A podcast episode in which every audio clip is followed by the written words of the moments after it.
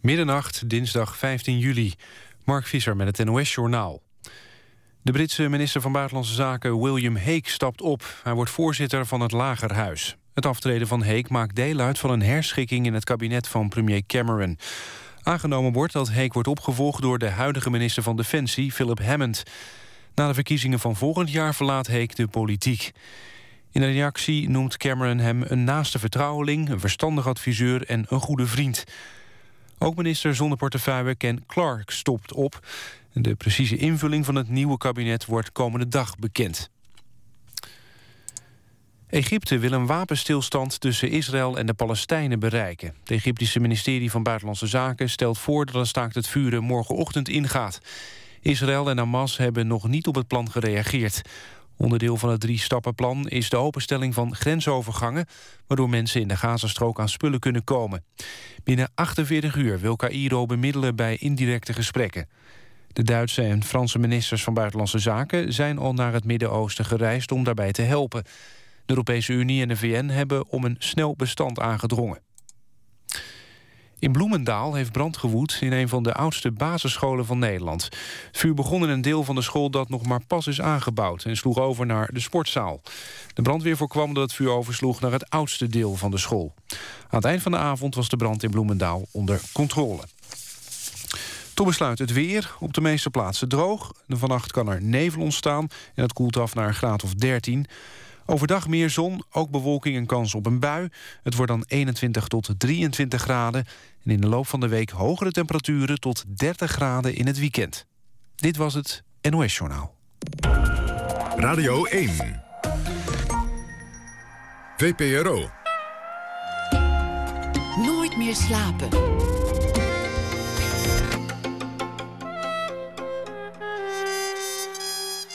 Met Karen de Bok. Goedenacht. En bent u ook nog zo lekker wakker, zoals ik en mijn gast hier. Mijn gast is uh, Carolina, Carolina Trujillo, ze schrijfster. Ze schreef alweer haar vierde boek. We gaan zo uh, ga ik met haar praten. Maar uh, straks na één uur is Nooit meer slapen er ook nog. En dan is er een gesprek met de kunstschilder Jan Sierhuis... in zijn woonplaats Ransdorp. En we gaan hem vragen naar het keerpunt in zijn leven. Want toen hij op een keer een zonsondergang zag... dacht hij, ik ga het gewoon proberen. En hij had alleen maar een klein beetje blauwe verf en geen penseel. Dus schilderde hij met zijn vinger. Dat was het begin. En drie jaar geleden begon het met een Facebook-spelletje. En het leverde producer Guido Albers een Edison op. Hij deed mee met het spel Make Your Own Album Cover. En binnen een paar uur tijd meldden allerlei muzikanten zich om daadwerkelijk een album te maken. Het project Lorraineville was geboren. En we gaan langs in Kampen, waar het muziek collectief aan een tweede album werkt.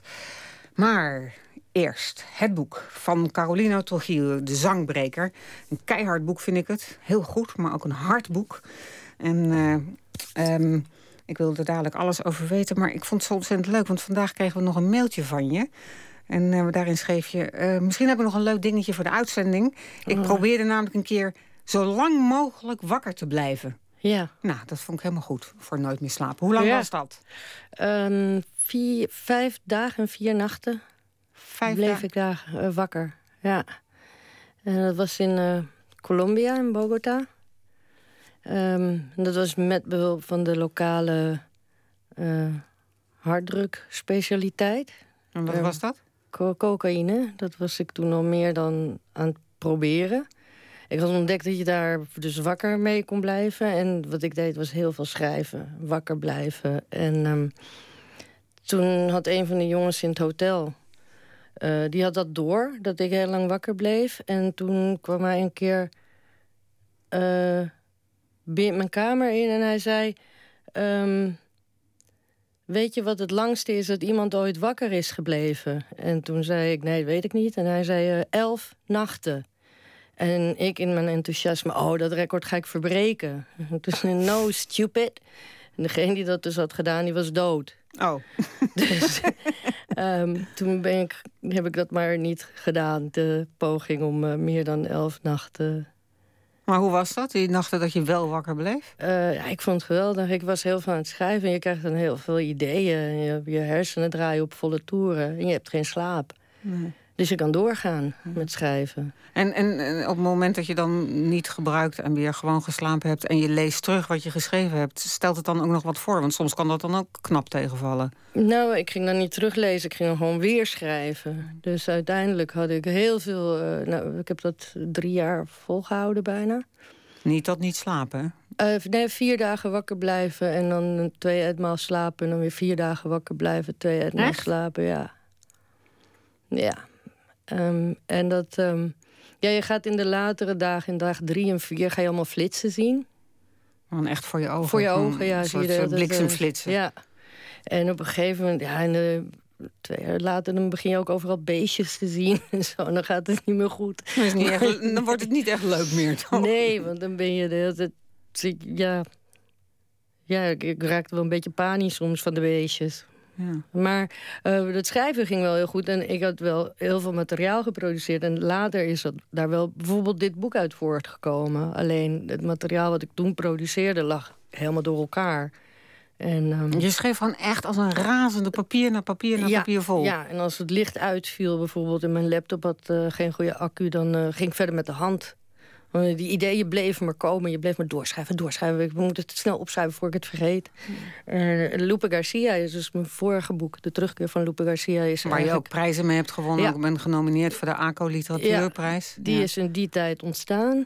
En uh, deze eigenlijk ook. Alleen het lag allemaal door elkaar. Ik wist niet waar het ene boek uh, eindigde en het andere begon eigenlijk. Terwijl ik bezig was met met mijn wakker zijn en uh, doorschrijven. En weer slapen en dan weer doorschrijven. Dus het lag allemaal heel erg door elkaar. Maar ordenen kan je dan weer als je nuchter bent. En daar heb je op gewacht totdat je nuchter was? Want je hebt op een gegeven moment besloten... Nou, nu moet het klaar zijn, dit, dit deze manier van leven. Uh, nou, ik kreeg een uh, hersenbloeding in um, jaar drie. Hm. Ik was toen in Uruguay. En... Um, een hersenbloeding, hoe kwam dat? Door, door de drugs, denk je? nou, die hebben zeker wel geholpen. Dus ik had een aneurysma in de hersenen en die is uh, gaan lekken. En, uh, Wat is een aneurysma? Dan, klap, dan klapt er iets in je hoofd. Nou, dan zit er een, een soort... In, de, in zo'n vaatwand zit dan een zachte, een dunne plek. En dat wordt dan een bobbeltje. Alsof je een um, fietsband hebt met een te dun plekje. En dan, dan, ga je toch lucht doorheen pompen. En dan wordt die, die dunne plek een bobbeltje. En dat kan scheuren. En dat is dan bij mij gebeurd. En dan is er wat bloed mijn hersenen ingelekt, zeg maar. Zei ze lachend. Ja, nou ja, nu ja. Dus uh, toen was het einde oefening. Ja. ja. toen was ik in Uruguay en toen um, uh, heb ik twee weken daar in het ziekenhuis gelegen. En als ze me daar het probleem wilden oplossen, dan moest mijn schedel open. En er waren een paar landen in de wereld waar ze diezelfde, of het probleem konden oplossen met een operatie via de lies. En daar was Nederland één van. Toen ben je teruggekomen naar Nederland? Op kerstavond in het vliegtuig, want dan was er nog plek. Ja, met spoed. Zo. Terug naar Nederland. En toen hebben ze het hier uh, ja, gefixt, min of meer. Maar het is wel ongelooflijk, want die periode heeft je wel twee boeken opgeleverd ook. Ja. ja. Maar ook je gezondheid bijna gekost. Ja. Ja, mijn leven bijna. ja. ja. Hoe ging dat toen, toen je, toen je eh, hè, dus, uh, weer helemaal helder was? En zat je daar met dozen vol met papieren? Ja. Of, of je computer vol? Uh... Dozen, ja. Dozen, echt? Ik heb twee dozen met ja. papier, ja. ja. Maar eigenlijk heb ik daar nauwelijks in hoeven terugkijken. Het is wat jij net even voor de uitzending zei. Als je dingen eenmaal op papier schrijft, dan onthoud je ze veel beter. Dan hoef je bijna niet meer terug te kijken. Dus die dozen zijn eigenlijk nog precies zoals ik uh, toen ik aankwam. Dus en... eigenlijk wist je zo goed van, nou, dit, nou, want je zei net, ik moest alles ordenen, alles was een, was ja. een zootje. Ja. Maar dat kon je in je hoofd. Ja. ja. Ik heb die dozen, ik, heb, dus ik ben hier aangekomen met mijn rugzak vol papier. En ik heb dat geleegd in twee kartonnen dozen. En die dozen heb ik dichtgemaakt. En ik heb ze eigenlijk niet meer opengemaakt. Mm. Dat ga ik doen als ik een oude dame ben. Je hebt, ja. uh, je hebt hele bijzondere boeken geschreven. Je bent geboren uh, in Uruguay. Mm -hmm. en je woont uh, lang in Nederland. Je bent op je zesde hier gekomen. Daar komen we straks nog wel over te spreken. Maar laten we eerst eventjes over het boek praten. De Zangbreker. Een bijzondere titel. Het is een, het is een niet bestaand woord. En ik begreep dat je er enorm voor hebt moeten vechten bij de uitgever om het er doorheen te krijgen. Ja, een beetje wel, ja. Ja. ja. Want ze wilden, ze wilden niet zo'n raar woord. Nou, en het Portugies was niet helemaal... Mijn uitgeefster was niet helemaal overtuigd. Oh, het Portugies van Querido, ja. ja ehm, want het is natuurlijk een niet bestaand woord. En uh, als je dan tegen mensen zegt, wat, wat is de titel? De zangbreker, de zandbreker. Wat, dat moet even, je moet het dan herhalen. En uh, ja, mensen moeten het maar onthouden, zo'n nieuw woord. Vanaf het moment dat iemand het gezegd heeft, tot ze in de boekhandel zijn. Dus dat is een beetje um, riskant eraan. Ja. Het is een, het is een heel, uh, ik zei het net al, een hard boek, maar ook een bijzonder boek met een hele bijzondere hoofdpersoon. Want een hoofdpersoon is eigenlijk een geest of een engel, zou je hem kunnen noemen, of een engels des doods. En hij is de alwetende en hij is de verteller. En hij begeleidt eigenlijk de mensen, de, de, de dalers. Je hebt de dalers in je boek en je hebt de stijgers in je boek. En de dalers begeleidt hij. Dat zijn de mensen die zo destructief zijn, die begeleidt hij naar het einde. Ja, je zou de mensheid dan kunnen verdelen in mensen die stijgers zijn en mensen die dalers zijn. Ja. En ons hoofdpersoon, verteller, zit in dalers. Dus ja, inderdaad, hij helpt mensen die van nature al destructief zijn... op een mooie manier kapot gaan. Een mooie manier kapot gaan? Ja. Wat is voor jou een mooie manier kapot gaan? Ja, dat is voor, oh, wat het voor mij is, is natuurlijk wel wat anders dan wat het voor de verteller is, denk ik. nou ja, voor jou als schrijver, laten we het zo zeggen dan. Ja. Um, wat is op een mooie manier kapot gaan? Ja, ik weet niet, ik denk dat het misschien uh, iemand als Jezus Christus op een mooie manier kapot is gegaan. Als je ervan uit zou gaan dat hij, hij bestond. Of um, Amy Winehouse. Ja, vind je ook een mooie manier? Overdosis? Uh, nou, het is zo tragisch, hè? Het is alsof iemand eh, gewoon die die roep, die lokroep om kapot te gaan, niet kan weerstaan. Terwijl het toch zo'n prachtig iemand is met zo'n mooi talent. En, uh, en zoveel harten kan raken. Uh, maar toch zichzelf niet kan redden. Nou, dat is een betere manier kapot gaan dan uh, onder een vrachtwagen. Ja. Of zoiets. Ja. Waarom, waarom trok het je zo aan? Hè? Want het, het, het, het is, in, in het boek is die engel, hè, bijna niemand kan ze ook zien. Het is een grote beweging van een soort geesten en, en engelen. Die worden geleid ook weer door een leider. En een opdracht te krijgen. En eh, ook heel erg duidelijk opdrachten moeten vervullen. Zoveel per jaar. Ja, en moeten quota's halen. Quota halen, ja, dat is ontzettend belangrijk. Ja. Maar waar, waarom wilde je zo graag een boek schrijven over de, ja, de losers zijn het eigenlijk ook. En hij komt ook terecht in een familie die heel arm is en die onder drugsgebruik leidt. En, het, zijn mensen die het heel moeilijk en heel zwaar hebben. Dat vind ik heel apart, want volgens mij zijn er al twee mensen die het hebben gelezen als dat de familie van de mussen heel arm zou zijn. Ja, dat is, dat terwijl is het eigenlijk wel meevalt. Hun vader heeft een kapotte oude, oude, een auto. Zij is wel kapot en rijdt niet, maar er staat wel een auto en ze hebben een huis. Zij is lerares.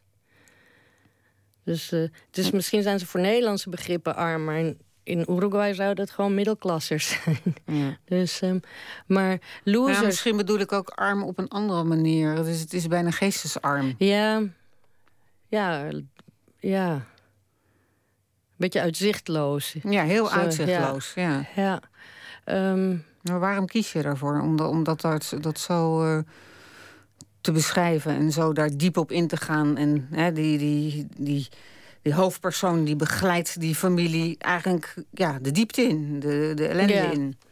Um, maar waar, ja, waarom ik daar uh, over wilde schrijven was omdat je toch uh, wordt er vaak op een denigrerende manier over dalers gesproken. Dus um, als uh, dalers zouden denk ik vaak zelfmoord plegen en dan wordt dat de makkelijke weg genoemd. Terwijl het mij heel moeilijk lijkt om, uh, om jezelf van kant te maken. Lijkt me helemaal geen makkelijke weg. En als je ervan uit zou willen gaan dat er gewoon pijn en lijden in de wereld is. En dat een deel van de mensheid dat zal moeten dragen.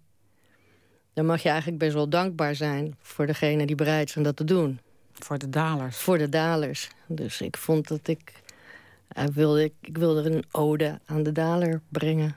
En daarom Maar zijn dalers toch ook vaak veel interessantere mensen dan de stijgers en de succesvolle? Dat hoor ik links en rechts, ja. Dat de, betere dramatische figuren zijn. En uh, dat is waarschijnlijk ook zo.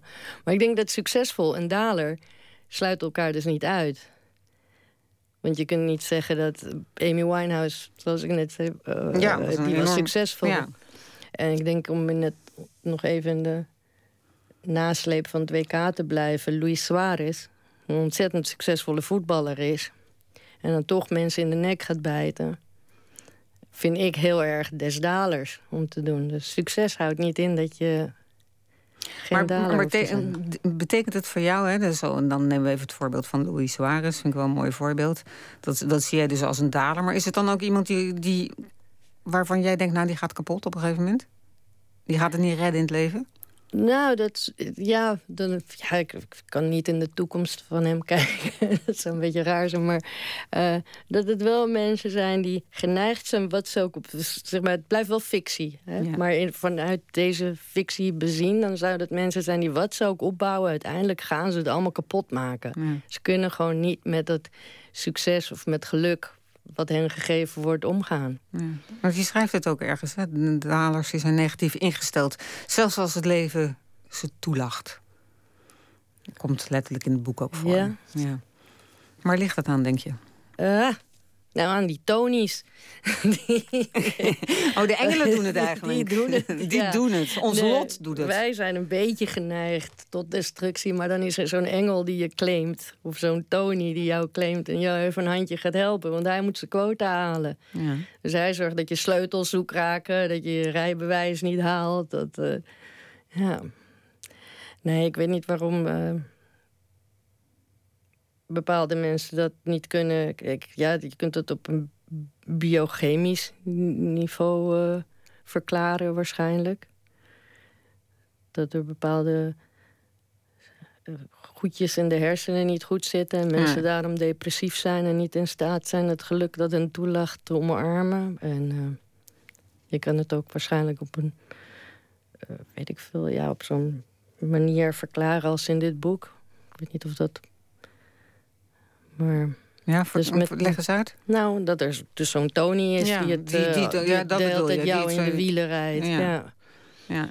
Um, maar ik weet niet waarom. Maar toch eh, heb jij zelf ook wel eens gezegd, dat was ik ook in een interview, dat jij ook heel snel uh, mensen indeelt in dalers en in stijgers. Ja, als je daar eenmaal aan begint, dan is, is het moeilijk stoppen. Dan is het hek van de dam. Ja, en ik ben een paar jaar met het boek bezig geweest en dan dus kom je weer eens iemand tegen en denk je, oh, dat is er een. Dat zie je dan meteen? Nou, soms meteen en soms gaandeweg. Ja. Nou. In het boek is er eigenlijk geen mogelijkheid voor de dalers om weer te stijgen. Mm. Um, nou, dat weet ik niet. Want moet nu opletten dat ik geen spoilers. Uh... Nee, je moet niet, niet, niet gaan uh, verpesten. Want het is, een, het is ook een spannend boek, vind ik. Het is ontzettend goed geschreven. Het is ook, ja, het is ook filmisch uh, geschreven. Maar ik vind het ook keihard. Je, je, je, je ziet gewoon mensen echt kapot gaan. En je ziet het van verre aankomen. Ja. ja. Maar ze hebben niet de kans om weer te stijgen. Ja, nou, ik weet niet. Ik heb het idee dat er wel eentje is die um, aan de dans ont, ontsnapt, ontspringt. Ja. Ontsnapt, ontspringt, ja. De dans ontspringt. Ja, dat er eentje is die in staat is... Um... Ja, je geeft nog wat hoop. Ja. ja. ja. En toch vind ik het ook wel mooi wat je net zegt... dat het, dat het ook een ode is aan alle mensen... die het misschien niet zo makkelijk hebben in het leven. Ja. Heb je, en waarom heb je, je... Je bent geboren in, uh, in Uruguay. Dit speelt zich af in Montevideo. Waarom heb je dit verhaal in Montevideo laten spelen? Het had net zo goed in Amsterdam kunnen spelen, of ja, niet? klopt. Of kan dat ja, niet voor ja. jou? Nou, ik heb op een gegeven moment ging het zo. En op een gegeven moment bedacht ik inderdaad van... eigenlijk kon dit ook in, in Amsterdam spelen. Maar ja, toen was ik al uh, bijna klaar. dat is een beetje laat. ja, toen, ik had al een keer... Uh, 80.000 woorden weggegooid. Dus dit boek is 109.000 woorden dik. En ik had al een keer 80.000 weggegooid en al een keer 100.000. Zo makkelijk En- gooi je ook weg dus. Ik weet niet of ik dat makkelijk doe, maar ik doe als het moet, dan moet het. En dan ben je, dan ben je niet tevreden. Ja. Ja. En ehm, toen ik zag dat het eigenlijk ook wel in Amsterdam had kunnen spelen. ehm, toen dacht ik, ja, als ik daar als ik het nu ga veranderen, dan, dan gooi maar net met de gracht in. Ja. Dus ik zeg, ik gooi weer, En dan net je, je weer uitgeefster. de uitgeefster. Ja. Ja. Maar dat weggooien, had je dat dan ook besproken met, met, eh, met je uitgever? Of eh, doe je dat gewoon helemaal zelf? Nee, dat doe je wel zelf, ja. Ja. ja. Je bent streng voor jezelf. Ik weet niet of het streng is, maar ik, ik kan ook vrij snel typen. Mhm. Dus mm, het een van de dingen die mijn ouders voor me hebben gedaan... is dat ze me ooit op typecursus hebben gedaan. Dus ik kan blind typen. Dus is 230 aanslagen per minuut, geloof ik, Ja. kom ik aan. Zo, ja. dus ehm, dus eh, ja... Het is wel veel en het is wel, het is wel ja, rot als je, als je ziet dat, dat je het helemaal verkeerd hebt aangepakt... en dat het opnieuw moet. Ja. Dat is wel... ehm, dat zijn de mindere momenten, ja. Ja. Maar ja, als het moet, dan moet het. Het is ook een, eh, een, eh, een boek waar behoorlijke, vind ik, humor in zit. Cynische humor ook wel. Ja, fijn. Ja, ja vind je fijn om te Ja, horen? dat vind ik fijn. Ik vind, ja, Ja. ja. Want je wil niet alleen maar een bloedserieus boek maken. Nee, en dit onderwerp is, eh, dat kan er heel snel toe leiden dat het heel zwaar en eh, Ja, want het zijn niet de vrolijkste... onderwerpen. Denk Nee, ik, en niet de vrolijkste mensen die je beschrijft. Nee, En, dus nee. dan is het zaak om dat op een goede toon te doen. Dat je wel een beetje kunt lachen als, eh dus ondanks de ellende. Ja. En ik vond Ja. ook wel dat er toch behoorlijk wat maatschappijkritiek eigenlijk ook in zit. Want die geesten, of die engelen of de engelen des doods... of hoe ze ze ook noemen, die zo'n belangrijke rol spelen... ja, die, die zijn ook eh, verenigd, maar die krijgen ook cursussen, managementcursussen. Die hebben coaches. Ja, En een van die eh, mannen die zegt op een gegeven moment... eh, ja, dat is ook een managementtruc, hè? Elke keer het laatste zinnetje herhalen van je gesprekspartner. Want nou, dan, eh, dan vindt hij jou een prettig persoon. En dan, Ja. eh, hè, dan bereik je hem eerder. is dat zo? Eh, heb je daar ook die maatschappijkritiek in verstopt? Ergert het je? Al die regels en die keur managementcursussen? ja, en de oppervlakkigheid van, van onze samenleving. Ehm, ja, dat zit er soms wel eens in dat je door de kritiek die Tony op zijn samenleving he- heeft, ja, de zie je Tony. eigenlijk dat het voor onze samenleving ook geldt. Ja. Hij zegt op een gegeven moment dingen als dat mensen met kinderen wordt het makkelijker gemaakt. Als je werkt en kinderen krijgt en een huis koopt, dan. ehm, ik geloof dat ik Nou, aan het stikken ben. slokje. Ja, aan het stikken bent. Zullen we even muziek draaien dan? Wil je heel Oh, even, ja, pauze? fijn, Wil je ja. even pauze? Goed. Moeten we wel even onthouden waar we waren. Hè? Want, eh, Maatschappijkritisch. de maat- ja, en, eh, ja. ja. oké. Praten we zo door met eh, schrijfster Carolino Trujillo. En de muziek eh, die we gaan luisteren... die komt van het indie-kwartet Woods uit Brooklyn, New York. En ze maken melodieuze en iets wat zorgeloze folkliedjes. En sinds de oprichting in 2005 bracht Woods zes albums uit. En van hun laatste album With Light and With Love... draaien we het openingsnummer Shepherd.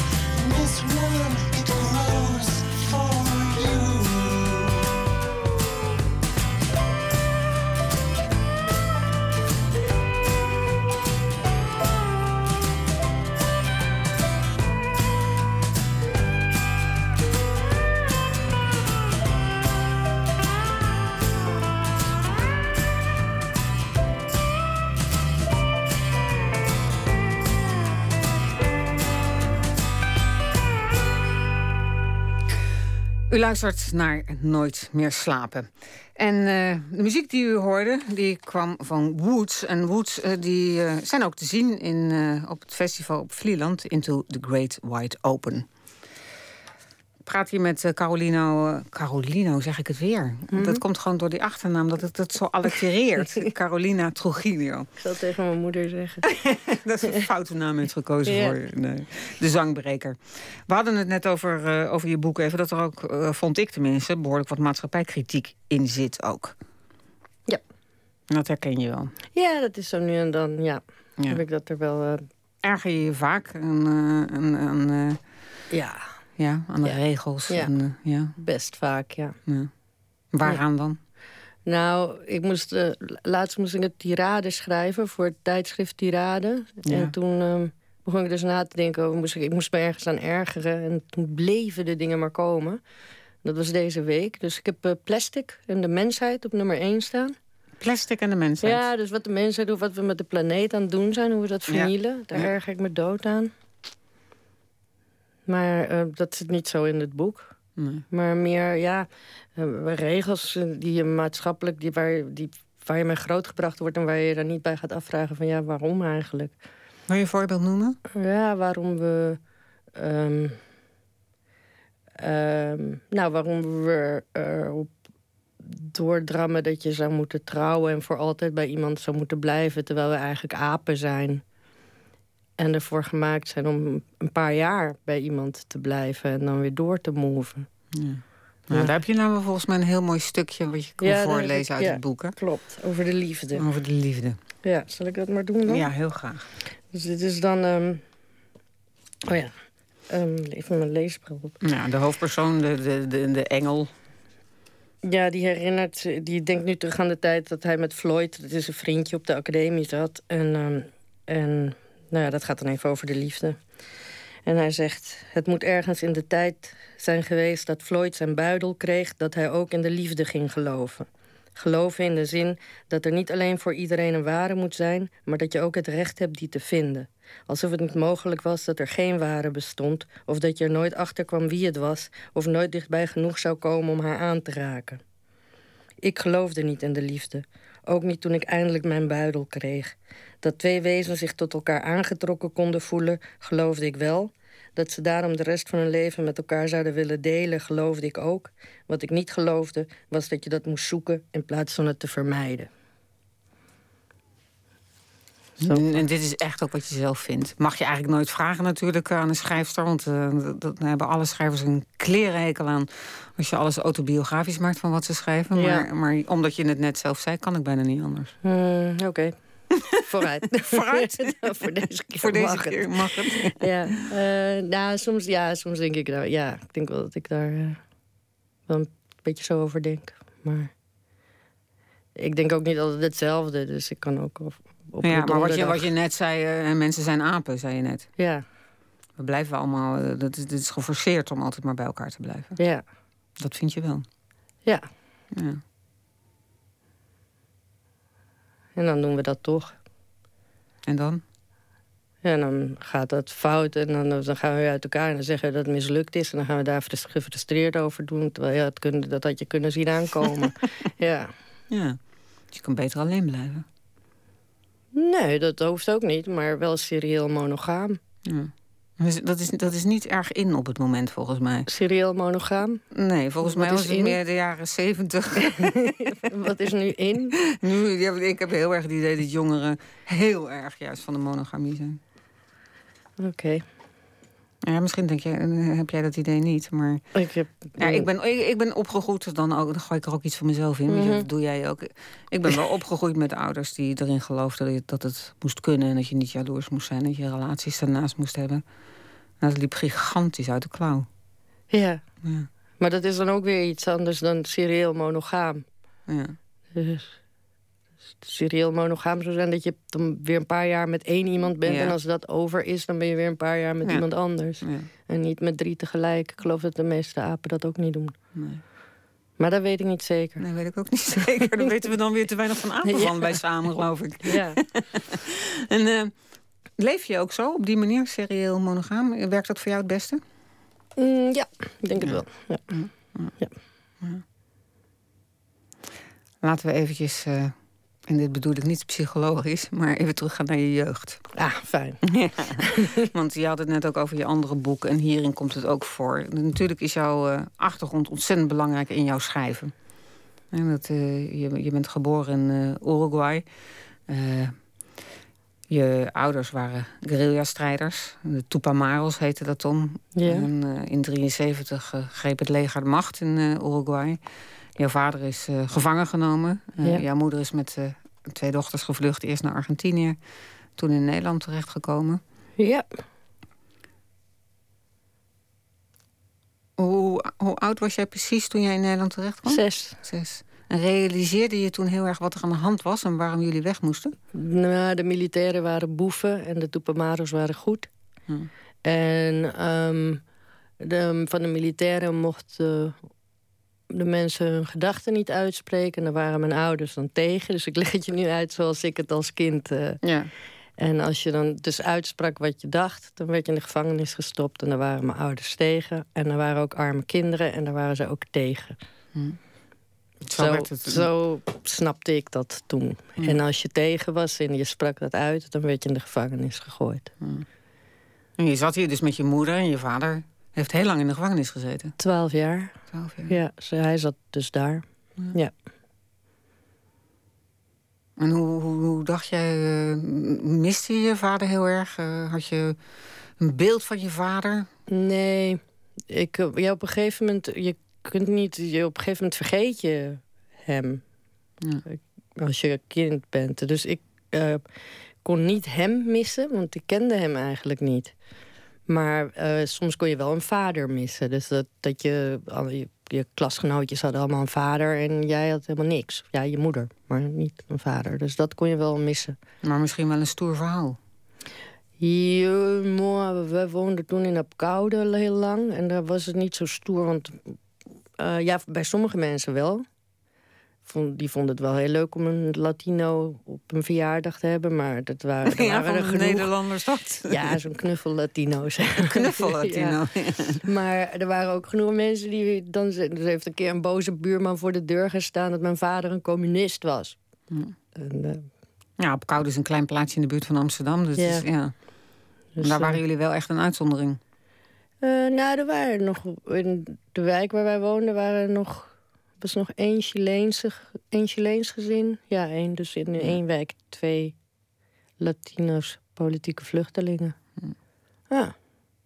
Er werd er veel door je moeder gesproken toen over eh, politiek en, en, en, en over hoe het was in Uruguay en hoe het ging en hoe het met je vader was. Was er enig contact? We schreven brieven. Dus eens in de twee weken, geloof ik, gingen we zitten aan tafel... en dan moesten we een brief schrijven naar papa. Misschien was het wel eens in de maand. Want hij mocht ook maar een beperkt aantal brieven ontvangen. Dus dan schreven we naar papa. En eh, ja, dat Ja. was wat we deden. Mijn moeder heeft ons niet heel erg ehm, ehm, lopen achtervolgen met ehm, dat we Uruguayaanse geschiedenis of zo moesten leren. Nee. Ja. Nee, ze probeerde ons wel zo normaal mogelijke jeugd te geven. En daar is ze vrij goed in geslaagd, volgens mij. Vrij, Ja. vrij goed. ja, nee, ja, gezien de omstandigheden. Ja. Weet je, zij was ook een. eh, wat was ze? 27, nou ja, 28 of zo. Kom je in Nederland aan met je twee kinderen, spreekt de taal niet. Nee. Man in de gevangenis. Je weet ook niet of je volgend jaar terug mag of over tien jaar. Dat, Ze hadden natuurlijk geen idee van hoe lang dat ging duren. En hoe lang heeft het geduurd? Ehm 14 jaar, de dictatuur. En toen konden jullie terug. Zeg ik dat goed? Nee, minder. 14 jaar. 73, ik, ik las er echt 73 tot 73 tot 84. 485. Ja, ja. 485. ja. Ja. En toen het was afgelopen, konden jullie toen terug? Ja. Ja. Is je vader eerst nog hier geweest? Ja, een jaar heeft hij hier gewoond. Met ons. En toen zijn we met z'n allen teruggegaan. Want eh, hier blijven was voor hem... eh, was lastig, ja. En ehm, ja. Eh, Kijk, het is ook anders om uit je land weg te blijven als je niet mag terugkomen. Ja. Dan wanneer je weer mag terugkomen. Ja. Dus ik denk dat. eh, mijn moeder wil ze niet lidmerk ook wel het idee had dat ze terug moest. En mijn opa en oma woonden hier ook. Die waren ook hier als politieke vluchtelingen. En eh, die waren teruggegaan. Dus toen gingen jullie ook. toen gingen wij ook En hoe was dat dan voor jou en je zus? Want jullie waren toch wel behoorlijk Nederlands geworden. onwijs. Onwijs. ja, ja, dat was, eh, ja, dat was apart. Dat was een, heel aparte tijd. Ja. En Hoe, hoe vond je, vond je het, was het ook aantrekkelijk, het hele... Het, ja, voor mij als super Hollands iemand vind ik Latijns-Amerika... klinkt altijd toch wel wat aantrekkelijker soms dan Nederland. Maar dat is natuurlijk ook weer naïef. En Ehm, wat, het klinkt altijd wat vrijer. Wat, ja, we, we kwamen toen in een land dat net uit de dictatuur Tuurlijk, kwam. ja. Dus eh, er was wel een heel andere wereld. Op school droeg iedereen een uniform. Ja. En, en in Nederland, als je naar, de eerste dag naar school ging... dan ging je in je hipste kleren. ja. Dus wij gingen in onze hipste Nederlandse kleren naar de middelbare school, halverwege het jaar. Eh, toen kwamen we daar, toen stond onze schrik, liep iedereen in uniform rond. En mijn zus naar witte leren laarzen tot haar knieën. en ik in mijn Wat hebben jullie linea recta teruggestuurd? Eh, nee, we mochten wel de klas in. Maar Ja. we, we vonden natuurlijk, het was een shock dat we er zo vreselijk anders uitzagen. En we Ja. hadden ook helemaal geoefend. Ik heb eh, daar een verhaaltje over opgenomen in, in de terugkeer van Lupe Garcia zit dat. Wij hadden, als je in Nederland halverwege het jaar in de klas komt, dan mag je je voorstellen. En dan zeg je, ik ben dingetje, ik ben zo oud, mijn hobby's zijn dit en dat, mijn lievelingskleur is blauw. En dan leg je uit waarom je eh, halverwege het jaar binnenkomt. Dus wij hadden daar helemaal op geoefend. We hadden het geschreven, een paar keer voorgelezen thuis. Want wij zetten de accenten allemaal verkeerd. Dus ook als we spraken, spraken we ons wijs als eh, Nederland, eh, Nederlanders in het Spaans. En ehm, toen werden we gewoon die klas ingeduurd en ga maar zitten. En er wordt. Geen Dus aandacht verder. de- We werden niet voorgesteld en Nee. je kon je verhaaltje gewoon in je broekzak houden. Ja. En het is allemaal van die misverstanden die je kunt hebben als je uit een andere cultuur komt. Nou, dat was elke dag raak. Elke dag weer wist je niet wat er. eh, wat voor misverstand er nou weer op je weg zou liggen. Maar dat er één zou liggen, dat was wel zeker. Ja. Wat ik net bedoelde met vrijer, dat klinkt een beetje idioot natuurlijk naar een dictatuur. Maar hè, dat het hier wel erg in regeltjes is wanneer je bij elkaar bezoek mag komen. En wie. eh, en dat, dat, dat dat vaak in, in, in, Latijns-Amerikaanse landen dat dat wat minder gebonden is aan regels. Ja, maar er zijn er weer andere dingen. Ja. Hier in Nederland kon je, eh, als je vriendjes was met een jongen, dan was er niks aan de hand. Als je in Uruguay een uurtje met een jongen gepraat had, dan had je, ah, verkering! Ja, dus dat, eh, dat een jongen met een meisje omging, was dan weer. eh eh, er werd anders naar gekeken. Dus, Ja. Je mocht dan wel onaangekondigd langskomen, maar dan waren er weer andere dingen. Ja. En- Op wat voor moment eh, ging jij echt je realiseren dat jouw jeugd wel ja, getekend is ook door, door de guerrilla-strijd van je ouders en, en door de dictatuur dus eigenlijk? Ehm, Nou, dat was misschien weer wel een moment ehm, toen ik een van die. eh, ik had eh, op een gegeven moment in Uruguay veel vrienden die eigenlijk ook kinderen waren van ehm, oud-guerrilla-strijders. Ja, omdat je ouders gewoon die vrienden weer allemaal opzochten, kwam je nee, wel... je, je, die, die kinderen zelf trokken naar elkaar toe. Ja? Ja, wij, wij kwamen op school en eigenlijk mochten we. Wij kwamen uit het buitenland, maar we mochten niet zeggen dat onze ouders guerrilla-strijders waren geweest. Ja. En dat Uruguay dat net uit de dictatuur kwam. Dus dan zei je van ja, mensen vroegen wel waarom, waarom je zo'n raar accent had. Dus dan zei je van ja, ik kom uit Nederland, ik heb daar tien jaar gewoond. En waarom? Ja, mijn ouders waren diplomaten. Maar dat was wat iedereen zei die Ja. in eh, ballingschap Ze geleefd waren ineens wel had. erg Dus veel heel veel diplomaten. diplomaten. en je wist ook, als iemand zei mijn ouders waren diplomaten. dan- Ja, je bent gewoon een, eh, Hmm. een homie, zeg maar, op de ontheemde manier. En dan was, had er weer iemand in Cuba gezeten. En dan vroeg je hem welk jaar zijn jullie daarheen gegaan. Nou, in 73. Wanneer zijn jullie teruggekomen? In 84. Nou, dan wist je het. Ja. Dan wist je dat, eh, dat het ook politieke vluchtelingen waren geweest. En dan kon je het met hun erover hebben. Dus het was best logisch dat, ehm, dat die kinderen eigenlijk bij elkaar kwamen. En ehm, ja, dat zit eigenlijk ook in de terugkeer van Lupe Garcia. Dat, ehm, Nou, dat is jouw boek eh, voor de zangbreker, Ja. hè? Waar je, ja, waar ik eh, net ook al zei, waar je prijzen voor hebt gewonnen ook. En, eh, ja, ja. Het was wel leuk om dat te schrijven. Maar daar zit dus een scène in. Dan zegt op een gegeven moment een van die jongens tegen. ehm, dus een van die kinderen van politieke vluchtelingen zegt tegen de andere. Van, ah joh, weet je wat het is? Wij zijn gewoon allemaal naar de kloten. En dat zijn ze dan inderdaad ook. De, de een is alcoholist, de andere ook alcoholist. En altijd werkloos. En als hij een baantje heeft, dan wordt hij zo snel mogelijk ontslagen. Dus eigenlijk allemaal dalers. Dus er zit wel een voorloop naar eh, de van daarin. ja. Ja, ja. Maar dat gebeurde in het echt, dat een vriend dat tegen mij zei. Van wij zijn allemaal naar de kloten. En toen dacht ik dat daar dus op de vraag van hoe dat je jeugd Ja. getekend heeft. Ja, ik denk. Dat vond jij wel, dat vond jij ook. Misschien was dat het moment waarop. eh, Ja. Je vroeg waarover, of, of wanneer ik besefte dat dat misschien onze jeugd getekend had. En misschien was het dat moment. Ja. Maar vond je zelf ook dat je naar de kloten was? Nou, dat ik wel die aandrang had om, om, om mezelf daar naartoe te helpen. En waarom was dat dan? Kan je dat verklaren Nou, achteraf? Eh, ja, achteraf denk ik. eh, dat heeft dus tijdens het eh, schrijven van dat boek en research ernaar doen. Van dat als kinderen in een heel jong, als kinderen heel jong een heel onstabiel nest hebben. Dus mm, vaste figuren die verdwijnen, ehm, huizen die snel veranderen, speelgoed dat achtergelaten wordt. Dus het is heel onstabiel, maakt ook hele onstabiele persoonlijkheden. En mensen die. Dat helpt mensen te creëren die niet goed van zichzelf houden. Dus, Nou, je schreef ook ergens en dat, eh, dat jullie ook wel heel erg ingepeperd werd dat de revolutie belangrijker was dan de kinderen. Nou, het werd niet ingepeperd, maar dat is wel een boodschap. Als je ouders hun leven op het spel zetten voor een revolutie, is dat natuurlijk wel een, een boodschap die inherent daaraan is. Maar het is niet dat, dat het ingepeperd werd. Nee, misschien niet door je ouders, maar. hè, Nee, maar ik, ik denk dat, dat, dat die, die boodschap is impliciet. Ja. Als je een vader zijn leven heeft geriskeerd ehm, voor een politiek motief en nu in de bak zit en dus niet bij jou en dus niet mee kan naar de manege en eh, of je naar school brengen of zo, dan, dan moet er ergens op een bepaald niveau moet het, dat hersentje, die, in die hersentjes wel een link gelegd worden van ja, hij vond dat kennelijk belangrijker en nu sta ik hier alleen. Het is ook een ongelooflijk moeilijk dilemma. Want aan de andere kant kan ik me ook voorstellen dat je als, als kind trots bent. Ja. Ja, want stel je voor dat je ouders hebt gehad die meelopen. Verschrikkelijk. Ja. Ja, en die, die mensen zijn er zat natuurlijk.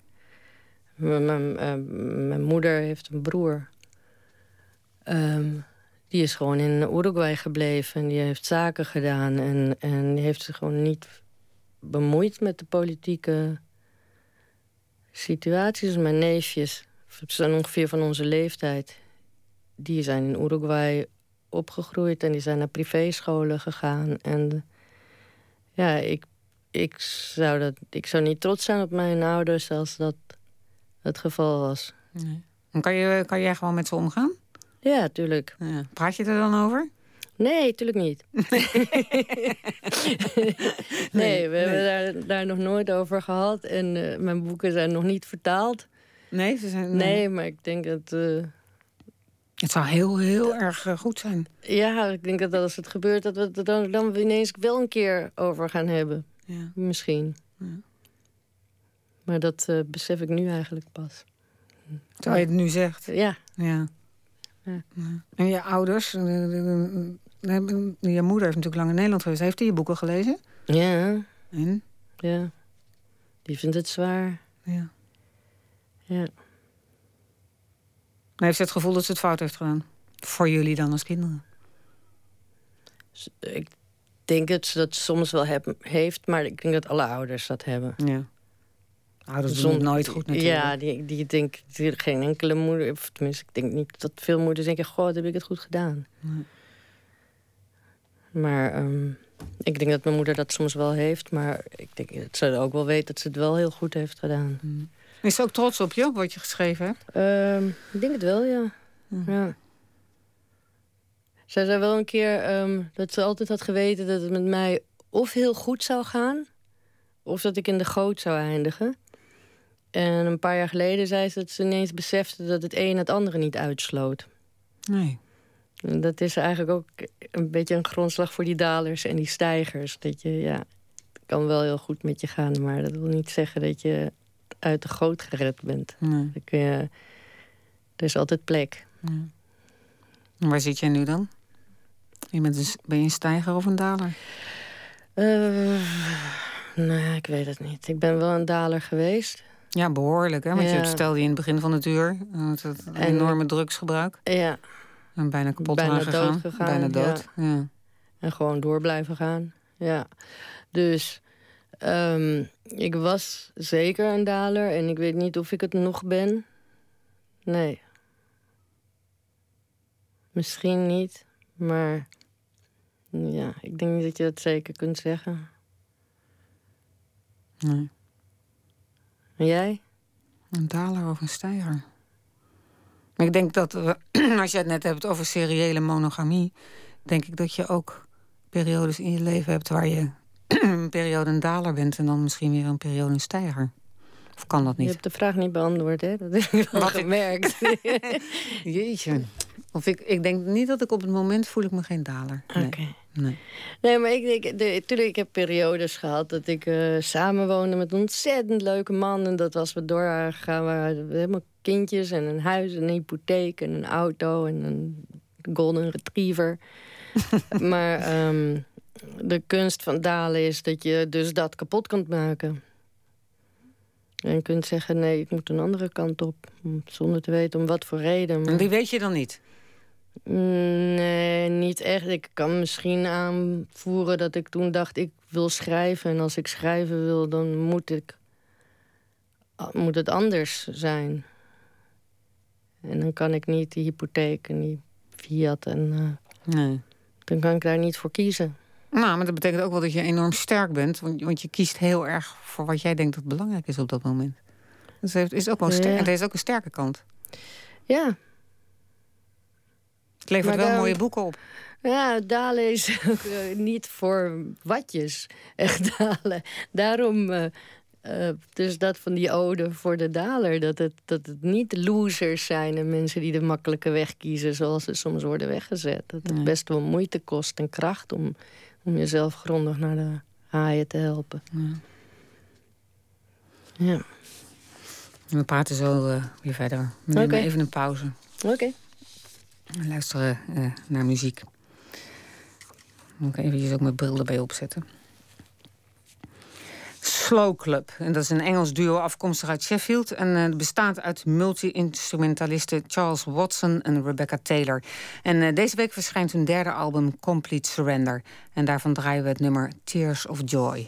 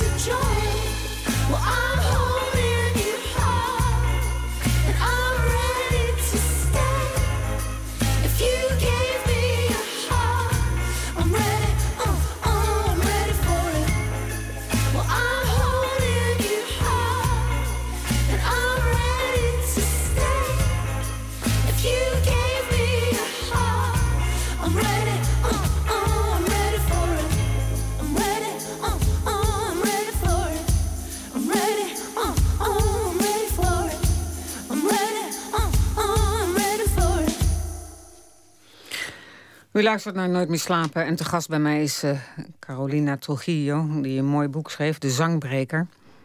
En eh, nou, je komt oorspronkelijk uit, uit Uruguay, daar hebben we het net ook uitgebreid over gehad. Spiegel jij je eigenlijk aan Latijns-Amerikaanse schrijvers? Want er wordt ook wel gezegd in kritieken... nou, het is niet een heel erg Nederlands boek. Het is een on-Nederlands boek. Ja. Nee, ik geloof... Ja... Wat bedoel je dan met spiegelen precies? Nou ja, de- de- de- is, er- heeft het invloed op je? Denk je daar vaak? Heb je daar vaak aan gedacht? Eh, heb je het enorm veel gelezen vroeger? Of... Ik heb wel in mijn puberteit, dus toen ik in Uruguay eh, aankwam... toen ben ik wel heel veel Zuid-Amerikanen gaan lezen. Ehm, dus Garcia Marquez en Ja. Galliano, de Uruguayan en Benedetti. Ja, Eduardo Galeano. ja. Dus ik, ik, eh, toen in het begin, toen ik mijn eerste boekje had geschreven... dat deed ik in Uruguay in het Spaans. Toen was ik wel erg een beetje aan het doen wat, wat zij deden, denk ik. Niet bewust, maar ik, dat was, ik had toen heel veel van Galliano en Benedetti gelezen. Dus je gaat dan gewoon automatisch een beetje schrijven zoals datgene wat je leest, denk Ja. ik. Er valt eh, weinig tegen te doen. Ehm, dus ehm, nu lees ik ook heel weinig. Dus, en als ik schrijf, lees ik helemaal niet. Nee. Doen Dus- heel veel schrijvers niet, hè? Is beter van niet, volgens mij ook. Ja, nou, je gaat dan heel erg schrijven zoals Ja. datgene... Wat je het laatst hebt gelezen, zo ongeveer. Ja, ja. Ja. De- de- ik denk dat veel, me- veel schrijvers dat wel hebben, of veel mensen. Maar je hebt ook schrijvers die zeggen: hoe kun je niet lezen? Le- lezen is eh, eh, ademen voor een schrijver. Dus die heb je ook. Ja. Ja? Wat vind je er dan van dat het hè, in sommige kritieken dan eh, wordt gezegd... nou, het is on-Nederlands. Het, eh, nou, het is toch echt... eh, dat magische realisme zit er af en toe ook in. Wat vind je ervan? Vind je het irritant of vind je het ook wel een compliment? vind het een beetje voor de hand liggend. Ja. Beetje makkelijk. Ja. ja, ik wil niet zeggen dat de recensenten dat makkelijk doen, maar ja, als zodra een, een, een- een boek zich ergens anders buiten Nederland afspeelt, wordt het denk ik al heel niet Nederlands. Want wat is er nou verder on-Nederlands aan dan de geografische ligging?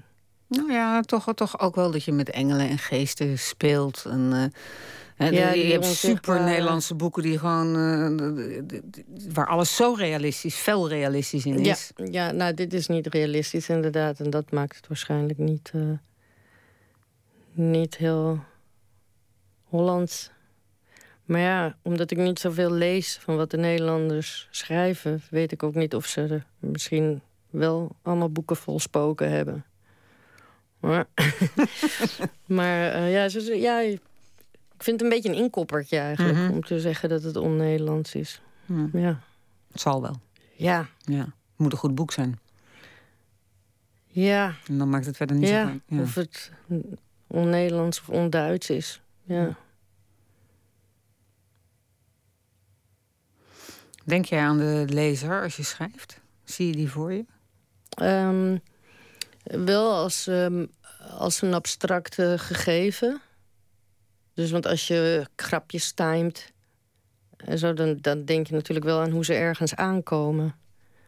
Ehm, en heel soms kan de lezer wel een, een mens worden. Dan denk ik, haha, Camilo vindt dit vast hilarisch. Of zo. Dan, dan kan Een vriend van je. Ja, Ja. en, ehm, maar meestal, ja, ik denk wel dat je. ehm, omdat als je iets opschrijft, dan doe je dat met een zekere. doe je dat met een bedoeling, dan wil je een effect.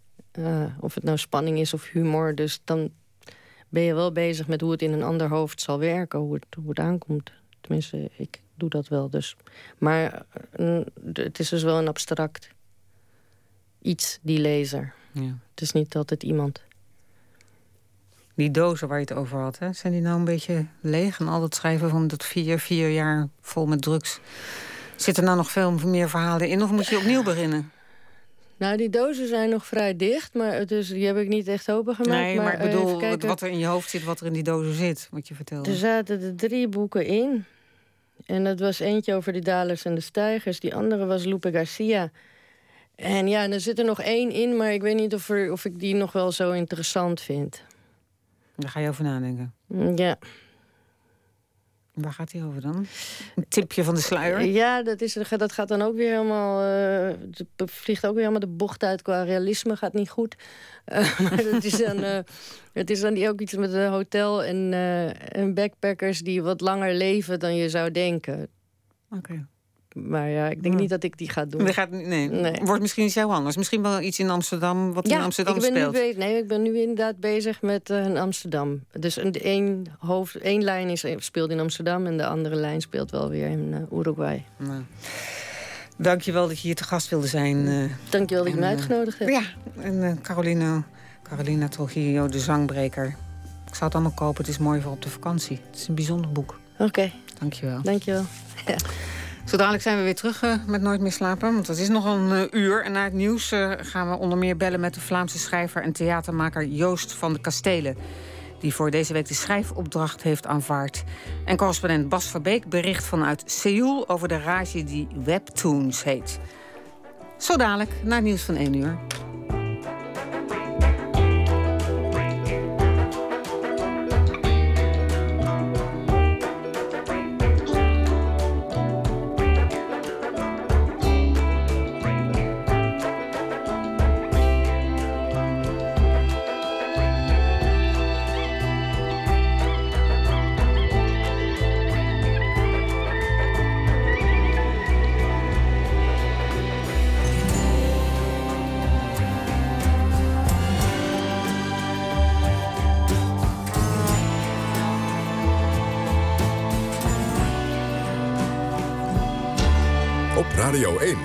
Nieuws van alle kanten.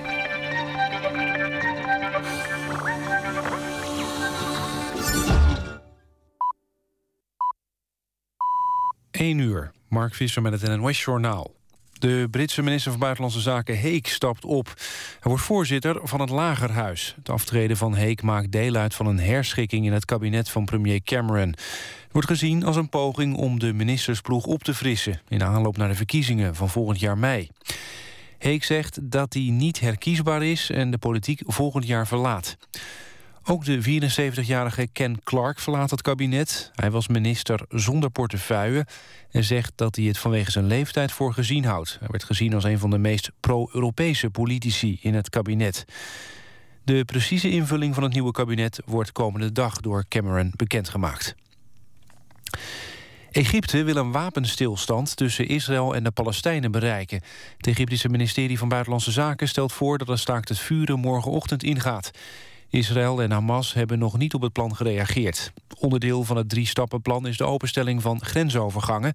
waardoor mensen in de Gazastrook aan spullen kunnen komen. Binnen 48 uur wil Cairo bemiddelen bij indirecte gesprekken. De Duitse en Franse ministers van Buitenlandse Zaken... zijn al naar het Midden-Oosten gereisd om daarbij te helpen. De Europese Unie en de VN hebben op een snel bestand aangedrongen. In Bloemendaal heeft brand gewoed in een van de oudste basisscholen van Nederland. Het vuur begon in een deel van de school dat nog maar pas is aangebouwd... en sloeg over naar de sportzaal. De brandweer voorkwam dat het vuur oversloeg naar het oudste deel van de school. Aan het eind van de avond was de brand in Bloemendaal onder controle. Het weer op de meeste plaatsen droog en er kan nevel ontstaan. Overdag meer zon, maar ook bewolking met kans op een bui. En het wordt dan 21 tot 23 graden. In de loop van de week hogere temperaturen, tot 30 graden in het weekend. Dit was het NOS Journaal. Radio 1. VPRO. Nooit meer slapen.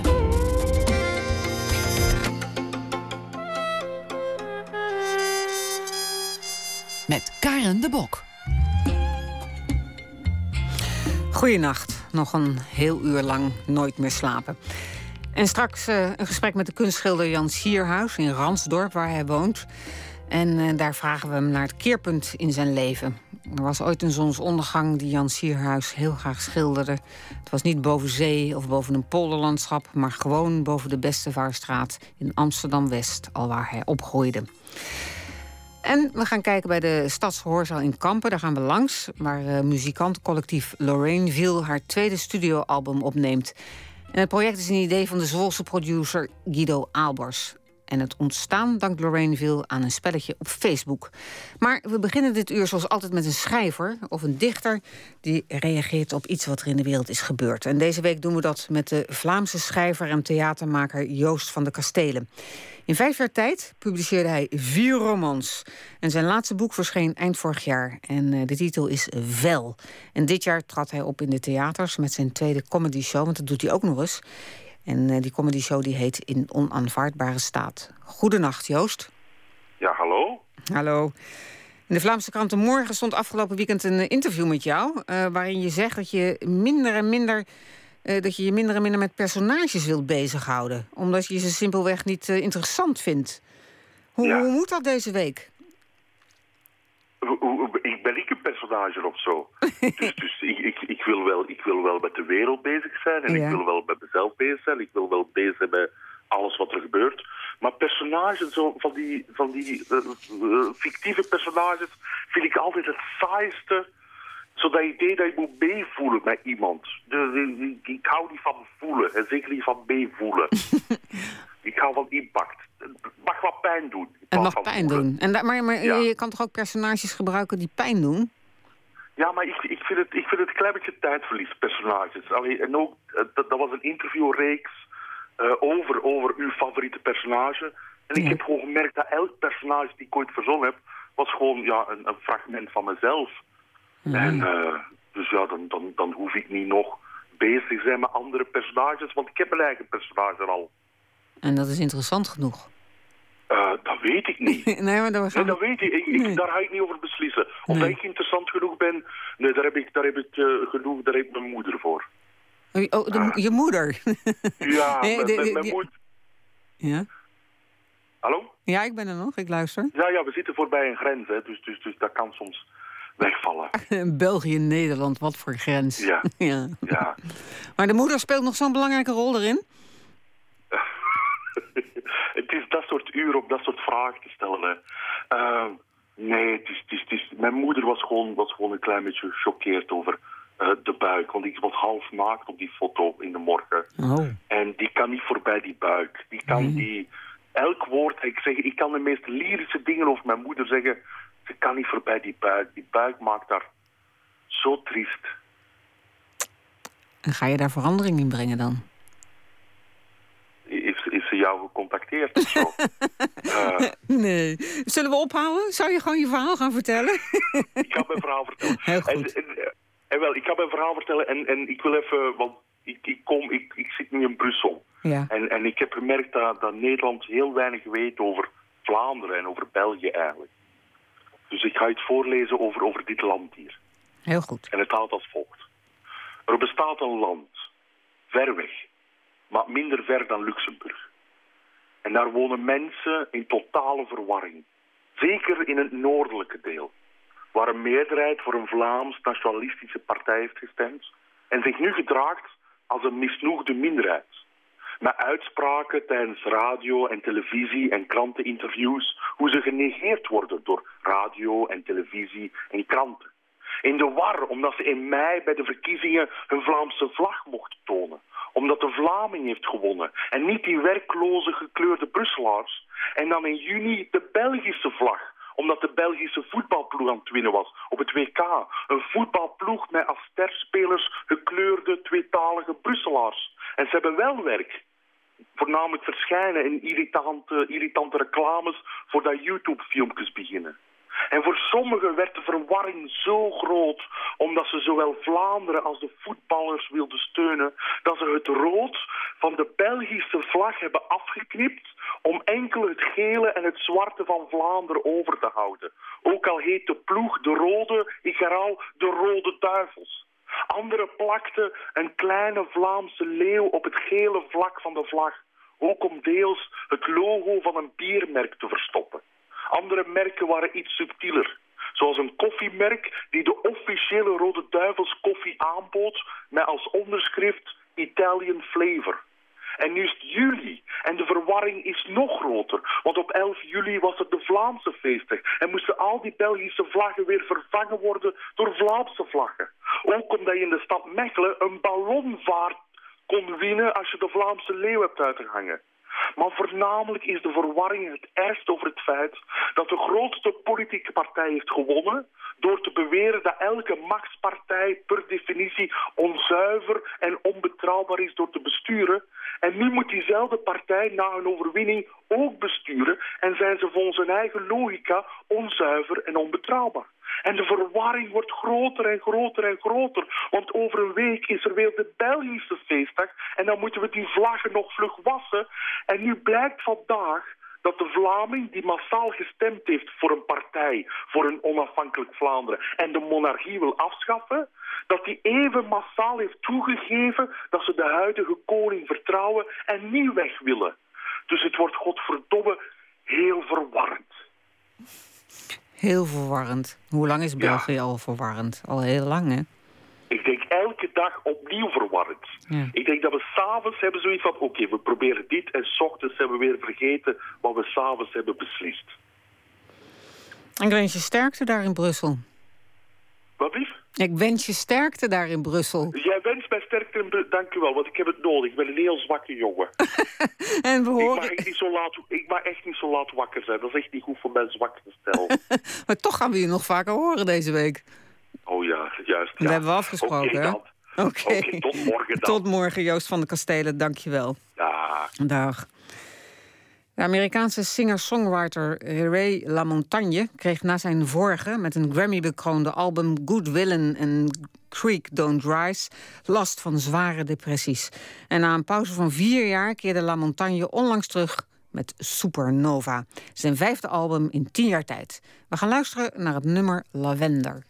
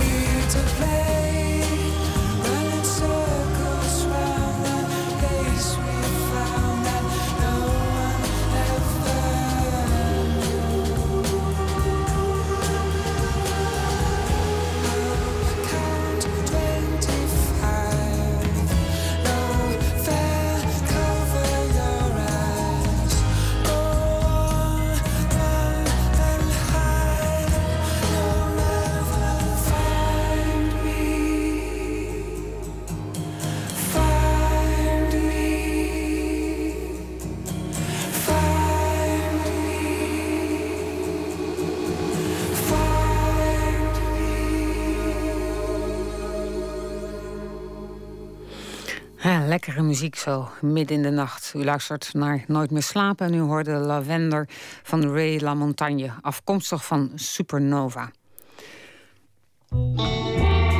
Nooit meer slapen. Waar komt nou toch dat besluit of het verlangen vandaan om te gaan schrijven, schilderen of beeldhouden? Is het alleen aanleg of is het ook talent? Of is er ook een aanleiding nodig om dat talent tot leven te wekken? Verslaggever Matthijs Deen vraagt deze zomer aan kunstenaars naar het keerpunt in hun leven.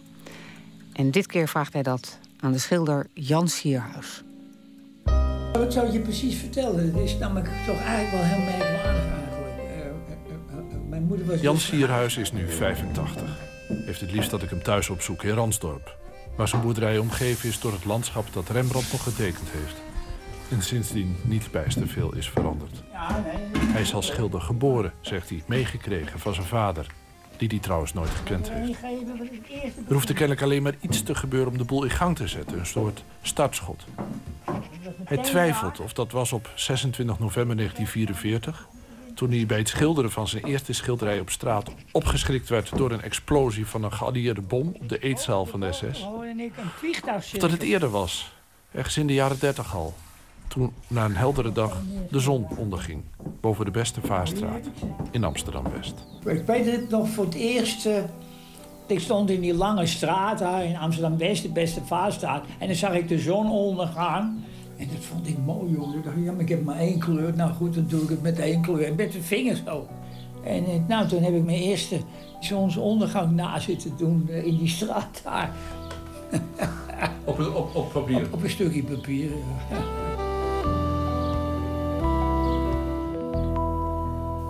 Ja, hoe ik daar nou aan kwam. Oh ja, naast ons op de trap woonde een huisschilder. Hele merkwaardige man, maar die had een heel groot schilderij in zijn slaapkamer. Boven zijn bed, daar werd hij er nog aan. En het was een moord op keizer Caesar. En ik stond te kijken zo.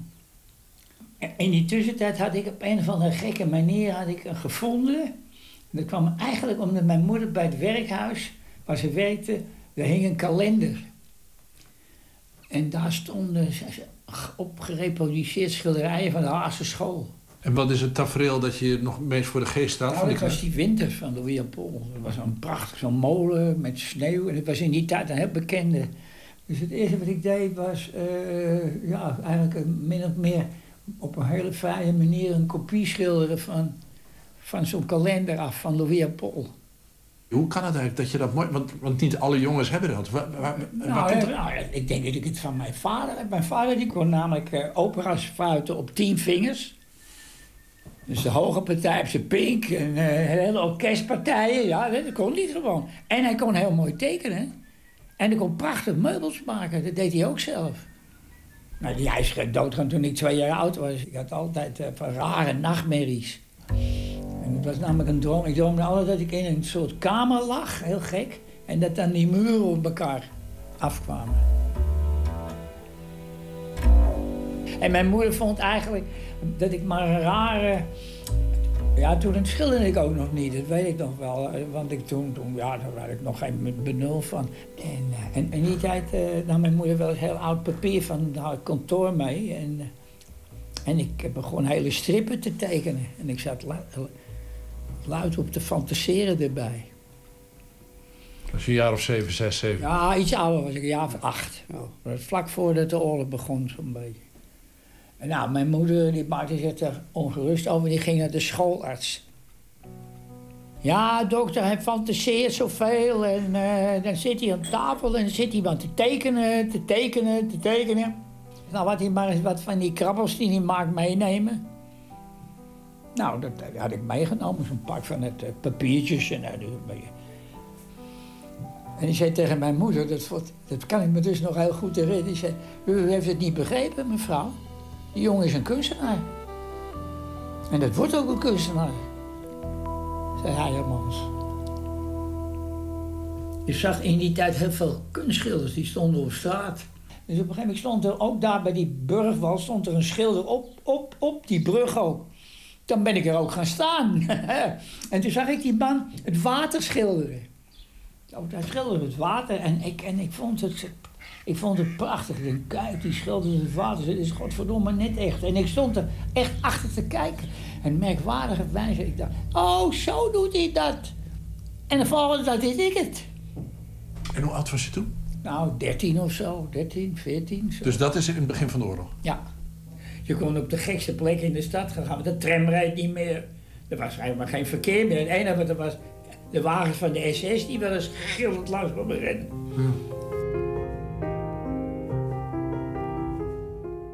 Op de Rozengaat had je een, een schilderszaak, die heette de verfmenger. En dan kon je voor twee kwartjes kon je daar eh, eh, geprepareerde doekjes kopen. Dus ik kocht doekie. En eh, ging op de, ik ging op de brug staan. En daar ging ik staan schilderen. Op straat. En daar heb ik ook de meeste ervaring mee opgedaan. Want kijk, als je dan op straat schildert, dan begin je ineens te ontdekken dat er contrasten bestaan. En dat zag ik al heel gauw. Ik dacht, kijk, eh, waar de gevel tegen de, tegen de lucht aankomt, is die donkerder. En beneden is die lichter. En op een gegeven zag ik ook de weerspiegeling in het water. En zo'n wallenkant. En, en ook figuurtjes lopen, zo. Die op zo'n brug liepen. Dus er kwamen altijd mensen stonden achter je te kijken. Ja, altijd. altijd het, maar ik zou je direct die paar van die doekjes laten zien. Die heb ik nog. Ja. Teruggekocht trouwens. en er kwamen altijd mensen achter me staan. Hé, hey, kunstenaar, is dat te koop? Je leefde veel op straat als kind. Ja, omdat mijn moeder, eh, die, eh, die ging naar ja, dan werk, die werkte bij de Shemstone. Dus die ging om, om, om acht uur de deur uit en die kwam er pas om vijf uur in. Dus ik, het enige waar ik in kon, waar ik, dat was bij de boeren. Want mijn moeder was altijd, ja, ik kon in de keuken komen. Maar ja, dat keukentje was ook niet zo'n grote keuken. Dus ik ging niet in die keuken zitten daar, maar moet ik in die keuken. Maar beneden, die met familie Zandvoort, die hadden een paar jongens en die jongens deden acrobatische toeren. Dat was hartstikke, hartstikke leuk. En, en daar was ik, had ik ook bij, jongen. Ik bedoel, dat vond ik, want daar had mijn moeder wel eens de pest over in. Van, ja, ja, hebben die Zandvoort naar beneden. Nou, het is gezellig. Je hebt dus die oudste schilderijen, heb je nog? Ja, ik heb een paar van die vroeger we even-? Heel graag.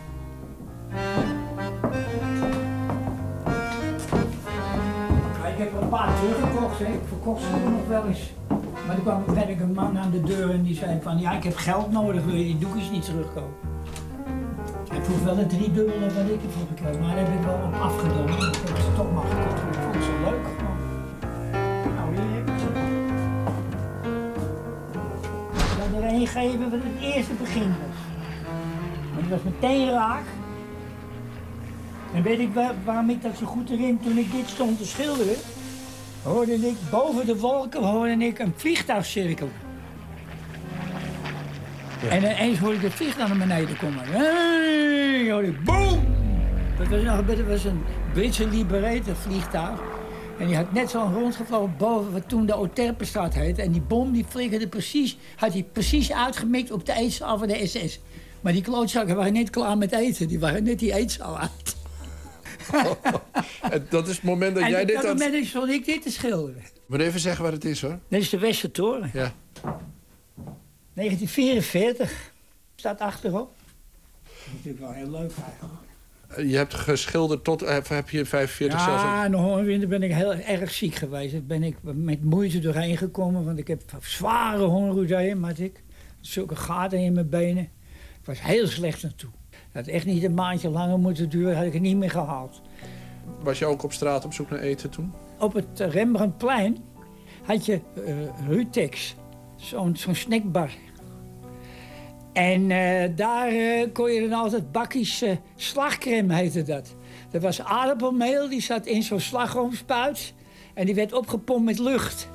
En dan werd dat op zo'n bakje gespoten en dat kost bijna niks. Maar er stonden tientallen mensen die hadden honger en die stonden daar die bakjes van, de, van het spul te vreten. En het mooiste was, als je dat dan op had...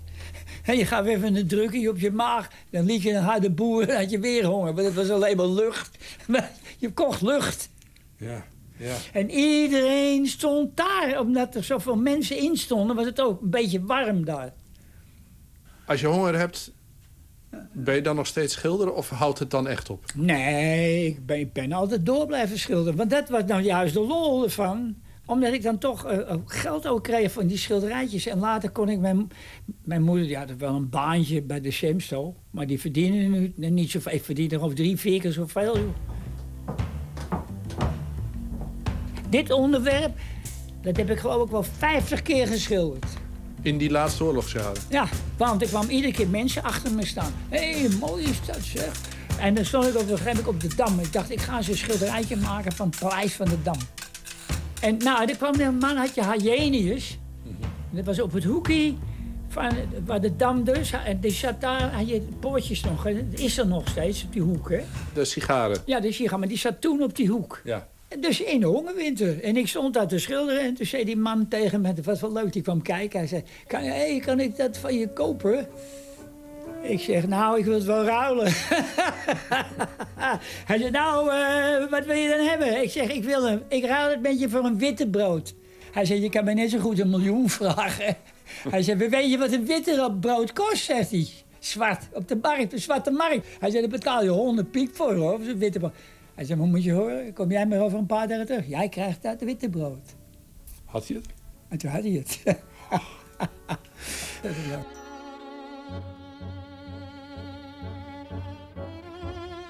Heeft jouw moeder meegemaakt dat je succes kreeg met schilderen? Ja. Dat zou je ook precies vertellen. Ik kreeg een tentoonstelling bij Magdalene Sotman op de, oude Zuid, op de nieuwe Zuid van Burgwald. Vlak bij paleis heb je. En er was een, eh, een galerie. En eh, daar had ik mijn eerste tentoonstelling. Dus ik zei tegen mijn moeder, kom nou eh, kijken. Nou, ze kwam kijken. En op de opening kwam burgemeester Dailly. Die was toen burgemeester van Amsterdam. En mijn moeder was er dus ook. Dus de burgemeester kwam. En toen zegt Dailly tegen mijn moeder... wist u dat u een heel begaafde zoon heeft? Die maakt prachtige schilderij. En toen zei mijn moeder... ja, maar mij heb je niks gehad. Ik heb hem altijd tegengewerkt. Oh? Want dat was dus eigenlijk ook wel zelfkennis van haar. Ja, Of- of, dat komt ook het- eigenlijk een beetje omdat mijn moeder in hele moeilijke omstandigheden is opgegroeid als kind. Ik bedoel, de, eh, mijn moeder heeft natuurlijk in volle hevigheid de, ah, de, de crisis meegemaakt. En er was een crisis. En die was enorm. Grote armoede. En bovendien was het de Duitse, in de oorlog was het Duitse bezetting. Ik bedoel, en dat was natuurlijk ook wel, eigenlijk wel heel erg, want er gebeurden de gekste dingen. Ik bedoel, mensen werden op straat gearresteerd. Ik heb nog meegemaakt dat dat, eh, hoe heet dat, eh, dat er een Duitse soldaat hadden opgeschoten. En nou, die moffen die waren er eh, rigoureus in. Want ik ging naar de Ammerschool via de Kinkerstraat. Ik. En ik liep naar dat pleintje daar, bij de Hein, tegenover de Heineken. Hè, bij het plein daar. En wat deden die Duitsers? Ik was natuurlijk heel jong, dus ik, ik was 14 of zo. Maar eh, die, eh, er zaten een stel eh, illegale jongens, die zaten in gevangenis op het Leidseplein. Tegenover City. En die hebben die moffen, hebben die jongens uit die dingen gehaald. En die hebben ze allemaal doodgeschoten op die plek daar. En, en, Heb jij dat gezien? ja, en ik heb dat gezien. Want ik werd tegengehouden. Omdat ik, maar ik was dus heel jong. Ik, maar, en dan moest je niet doen, maar je moest wel kijken dus. Ja, dan stond te kijken, die jongens werden allemaal... die- Nee, gewoon, en wat ik me kan herinneren, dat vond ik een, een, een, een ontroerend moment. Dat herinner ik me nog. Dat ineens toen die moffen weg waren... en die, lagen, die lijken lagen daar nog... kwam er een man langs... En eh, ja, die woonde kennelijk in de buurt. En die haalde een, gro- een grote Nederlandse vlag onder zijn jas vandaan. En die heeft hij over die jongens gelegd. En dat vond ik een, een ontroerend moment.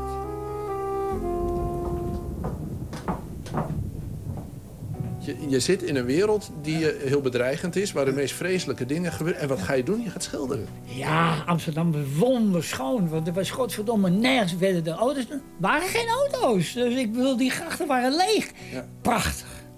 Kan je zeggen, of is dat te ver, dat die kunst misschien je ook door die oorlog gesleept heeft? Natuurlijk. Ik bedoel, wat ik mooi ik voelde me echt kunstenaar. En het werd ook tegen me gezegd, ja, jij bent de kunstenaar.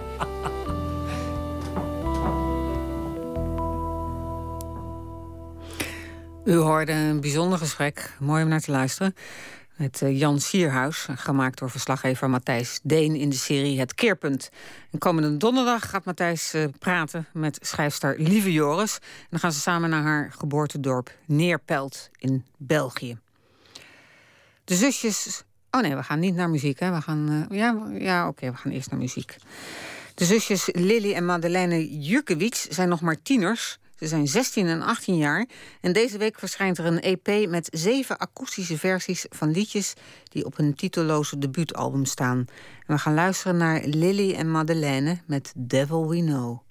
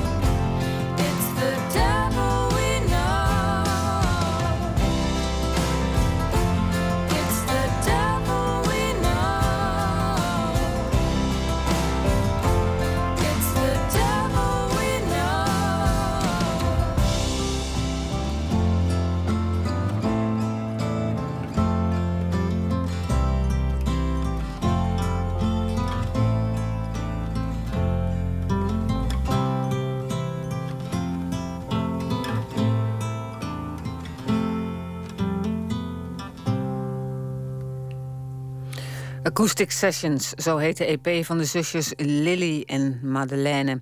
En het nummer dat we draaiden heet Devil We Know. Nooit meer slapen. Zoals iedere maandagnacht praten we met een van onze correspondenten in het buitenland over de cultuur al daar. En deze week doen we dat eh, met Bas Verbeek. Hij is correspondent in eh, Seoul, Zuid-Korea. Goedemorgen is het bij jou, hè Bas? Goedemorgen, ja, klopt. Hoe laat precies? Wil ik dan weten hoor. Half negen. Half S negen. ochtends. S ochtends, ja. ja. Hoe lang zit jij al in Zuid-Korea? Eh, vier jaar nu, alweer. En de enige Nederlandse journalist? Vooralsnog wel, ja. Ja? hoe, hoe, hoe besloot je, eh, hoe kwam je daar terecht? Hoe besloot je om daar naartoe te gaan? Ja, ik vond Zuid-Korea wel een interessant land. Ik was hier een keer geweest in 2009, een jaar voordat ik hier kwam als correspondent. En eh, het is natuurlijk een land wat zich ontzettend snel heeft eh, ontwikkeld, economisch gezien. Het was eh één grote puinhoop na de Koreaanse oorlog. Ja. Sowieso de laatste 150 jaar pakweg is ontzettend turbulent geweest voor, voor, voor het Koreaanse land hier. Met kolonisatie, oorlog, dictatuur. Dus ja, de samenleving hier heeft dat nog steeds te verduren. Of tenminste, het heeft een grote impact natuurlijk al die periodes gehad. En ja, ja dat, dat maakt het eh, wel tot een interessant land om eh, te kijken wat hier allemaal aan de hand is. En, en hoe is het, het leven daar voor een westerling? Ehm, een moeilijke vraag. nou ja, je bent wel een buitenstaander. Het is, eh, het is wel een heel eh, homogeen land. Een, een heel monocultureel land. Dus je valt altijd wel eh, toch wel op. Ze zijn hier in een grote stad in Seoul wel gewend aan buitenlanders inmiddels. Maar je blijft wel een buitenstaander. Eh, bijvoorbeeld als jij Zuid-Aziatisch bent en je spreekt geen Koreaans, dan word je een beetje vies aangekeken. Maar als je Hmm. blank bent en je spreekt één zin Koreaans, dan is het echt wel eh, één groot feest. Dus dat, dat blijft wel. Dat is soms eigenlijk ook heel erg vermoeiend eigenlijk hoor. Ja. Ehm, ehm, maar ja, het is, het is interessant. Ik heb, ik heb hier de afgelopen vier jaar ontzettend veel geleerd. Vooral. Ja. Het is een, eh, het land van Samsung en hoe, hoe, hoe zeg je dat? Hyundai. Hyundai, hè? Zeg, zeg je het zo goed? In, het Nederland, in het Nederlands wordt het gewoon Hyundai genoemd. Hier wordt het Hyundai genoemd. Hyundai, oké. En iedereen werkt daar keihard. En er wordt, eh, ja, het is een hele competitieve samenleving. Eh, hoe zit het met de cultuur? Wordt er, veel, wordt er veel gegaan naar film, naar theater? Weet jij dat? Nou ja, zoals ik net al zei, het heeft zich heel snel economisch ontwikkeld. Dat is vooral eh, te danken aan het eh, dictatuur uit de jaren 60, 70. Toen was het, eh, het motto was echt niet, niet zeuren, maar werken. En daardoor heeft Korea nog steeds de langste werkuren. Die mentaliteit zit er nog heel erg Mhm. diep in. Maar je ziet wel een st- stukje bij beetje dat er, dat er tijd komt voor wat meer recreatie, wat, wat meer cultuur. Het is op zich wel zonde, want het heeft gewoon een hele lange geschiedenis, het land. eh, met een hele rijke culturele geschiedenis. Maar het heeft absoluut het. eh, ja, het was absoluut onderbelicht in de, in de samenleving. Mensen eh, hadden daar geen tijd voor, mochten daar überhaupt heel weinig tijd voor hebben. Maar in de afgelopen jaren, decennia, heeft zich in ieder geval wel een hele sterke filmindustrie ontwikkeld. Ook regelmatig in de Nederlandse filmhuizen zijn er wel Koreaanse ja, films te zien. zeker. Ja. Eh, de de K-pop-industrie doet het heel goed, maar dat is wel natuurlijk echt eh, super mainstream. En dat eh, doet het vooral goed in Azië. Ook de, de televisieseries, de dramaseries doen het heel goed in de rest van Azië. Theater is er ook zeker wel. Er zijn een paar buurten hier, dat is een beetje de Broadway, zeg maar, met heel veel theaters, kleine theaters, wat grotere theaters. Maar dat is allemaal wel redelijk elite cultuur natuurlijk. Dat is niet voor het grote publiek nog. Maar het bestaat absoluut wel. En je hebt dan natuurlijk ook nog heel veel eh, tradi- traditionele cultuur, traditionele muziek. Eh, er zijn ook veel theaters voor. Ja. Wat ik zelf heel gaaf vind. Traditionele muziek in Korea is echt heel... eh, Ja, wat vind je daar gaaf van? Ehm, nou ja, het is, het is iets echts. Het is iets authentieks. Voor de rest in de samenleving zie je heel veel gemaakte dingen zoals die K-pop. Dat is heel veel kopie van Amerikaanse producers eigenlijk. Mhm. En die traditionele muziek, ja, daar zit echt alle Koreaanse historische cultuur in. Eh, door, door, door, de, door de eeuwen heen. Het, het boeddhisme zit erin, het shamanisme zit erin. eh, ja, en dat heeft echt iets heel puurs, vind ik. En, Ja. en gewoon heel moois, iets heel hypnotiserends vaak ook. En de jongeren, wat, eh, waar houden die zich nu voornamelijk mee bezig? Want er is een nieuwe hype, heb ik Ja. me laten vertellen, in Zuid-Korea. Ja, de, de, de cartoons eh, zoals manga in Japan bestaan al wel een tijdje. Maar eh, nu hebben ze de webtoons. Met de digitale revolutie eh, worden die cartoons niet meer geprint op papier. Maar zijn ze vooral op internet te zien. Ja, dus een web en toons, is gewoon een samenvoeging hè, van cartoons en, het- en het web. Ja, ja Het precies. Zo, ja. simpel, zo simpel is het. En ehm, nou ja, in Zuid-Korea moet je je voorstellen... sinds de invoering van de smartphones een jaar of vier, vijf geleden... is de penetratie 73 procent. In Zo. Nederland is dat iets van eh 52 procent nog. Dus, eh, En ik heb hier al het idee dat iedereen er een heeft. Maar Ja, moet je nagaan. Moet je Ja. nagaan. Dus als je hier in de metro stapt, zeker nu eh, rond het spitsuur, dan eh, ja, absoluut zul je mensen zien die eh, dus die cartoons zitten te lezen op hun telefoon. Want sinds die telefoons worden, eerst heet het webtoons, dat, dat, die, die term bestaat al een tijdje, maar nu duikt ook de term het eh smarttoons op. Mhm. Die zijn dan eh, wat specialer ontworpen voor je, voor je smartphone. Dus daar kan je makkelijk eh, doorheen swipen. Eh, ook als je onderweg bent. En, en, waar, En- waar gaan die strips over? Kan het over van alles gaan of is het een bepaald genre? Nee, er zijn echt heel veel genres. Ik heb even door de hitlijst eh, gebladerd, ook op de grote portals. Ehm, en dan zie je echt alle, alle genres wel terug. Maar wat wel echt overheerst, is, zijn de verhalen over, alle, over het alledaagse leven eh, in, in, in Korea en dan vooral in, in de stad. Dus over eh, werk, eh, over school, over de dienstplicht, dat wat de mannen hier ook nog hebben. Dus echt dingen van alle dag. Nou, dat is eigenlijk wel leuk. Het is dus niet, niet, niet per se dat iedereen vertrekt in een fantasiewereld terwijl je in de metro stapt, maar eigenlijk kijk je naar, naar het leven van alle dag. Ja, precies. Ehm, als, als, ik, ja, als ik een paar van die strips zie, je ziet dat ze zich dan bezighouden met allerlei eh, eh, frustraties van alle dag. Eh, als je in de metro staat, dan zit iedereen inderdaad dus op zijn smartphone te kijken. Maar ze, als ze dan op hun smartphone kijken, kijken ze vaak naar plaatjes van mensen die zich irriteren in de, in de metro. En eigenlijk andere mensen een duw zouden willen geven, zeg maar. Dus dat is op zich wel grappig. Ja. Eh, dus je ziet ze echt eh, ook wel redelijk losgaan met wat ze eigenlijk zouden willen doen. Het is een grote stad, dus je moet je toch een beetje inhouden in het openbaar. Maar ook veel fantasie hoor. En eh, over superkrachten en nou ja, noem maar, maar op. Er zijn heel veel genres en ook zeker wel fantasieverhalen. Maar absoluut het meest populaire zijn de verhalen van alle dag.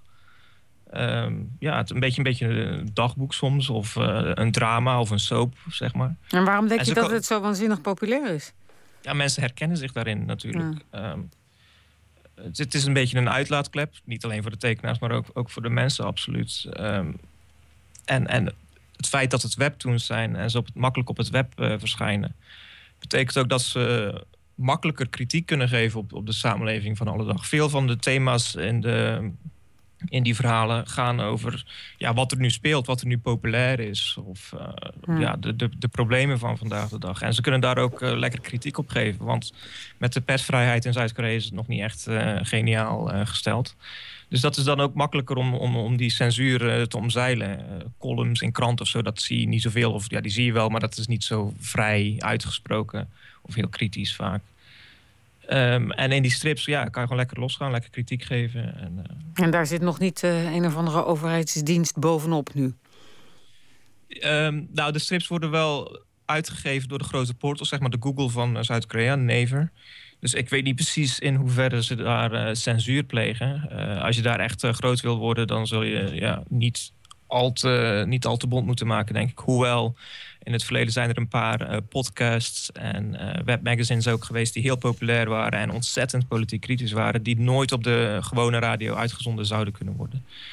Dus ik denk dat er wel, wel wat mogelijk is. En eh, buiten de grote portals worden ook op andere platforms dingen uitgegeven. Dus mocht het al te, te gek zijn, dan kan het altijd wel weer ergens anders. En iedereen heeft internet, dus ze kunnen het dan wel weer vinden mocht het populair worden. Ja. Mooi Dus, is dat er toch van. Ja. Dan lukt het Ja, niet in de krant en dan lukt het via de webtoons. Ja. Ja. Nou, dankjewel dat je dit wilde vertellen. En eh, graag tot een eh, volgende keer. En heb een fijne dag. Dankjewel. Fijne nacht. De Soul Clan was een collectief van Amerikaanse soulmuzikanten onder leiding van Solomon Burke. En in de oorspronkelijke bezetting zaten onder andere naast Burke Otis Redding, Wilson Pickett, Don Covey en Joe Tex.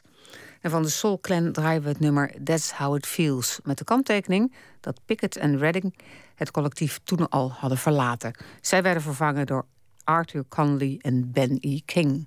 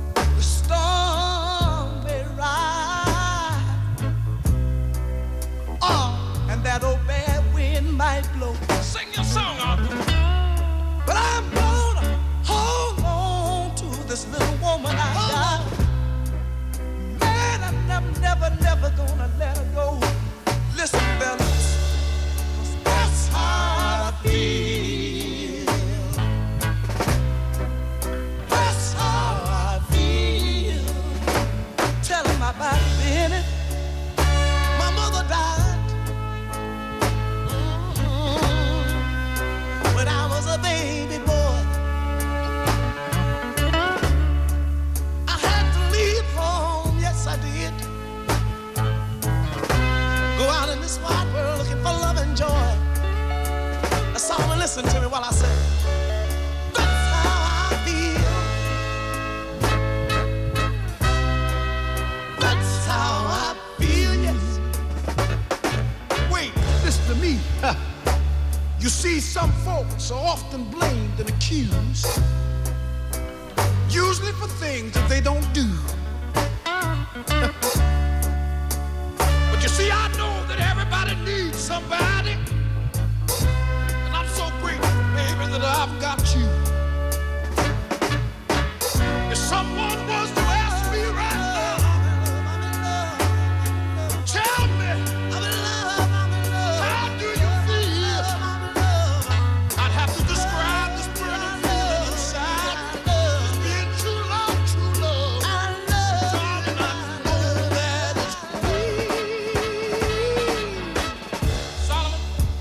let me tell you something. True story. Got one sister, Lord, and eight of us boys. I was 13 years old, yeah. Oh, yeah. Before I got my first Christmas toy. And let me tell you this.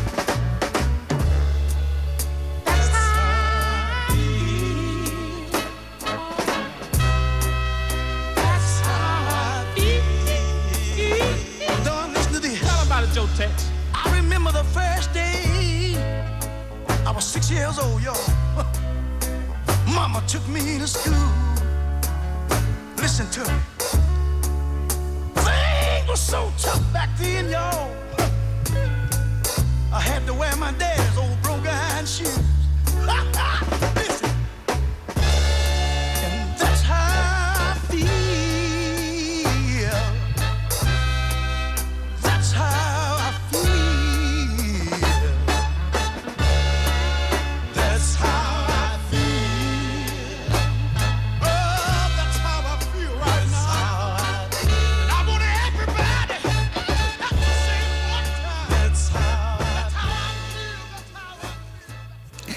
Je uren naar luisteren. De Soul Clan was dat met That's How It Feels. Een nummer uit 1968.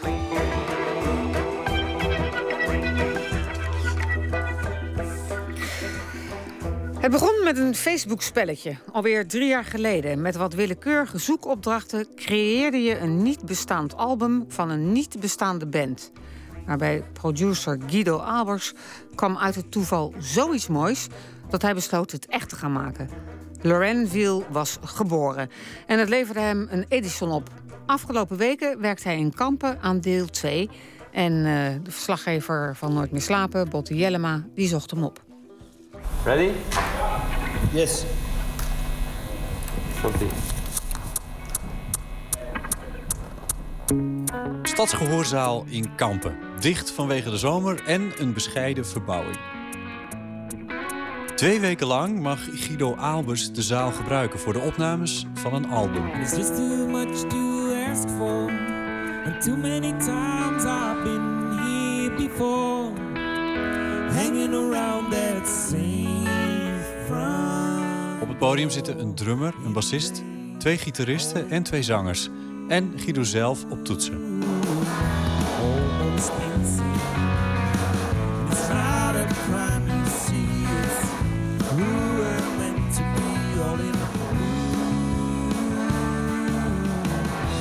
In de zaal zit een technicus met een opnamecomputer. Ik mag mijn microfoon er even bij houden terwijl ze een nummer aan het opnemen zijn.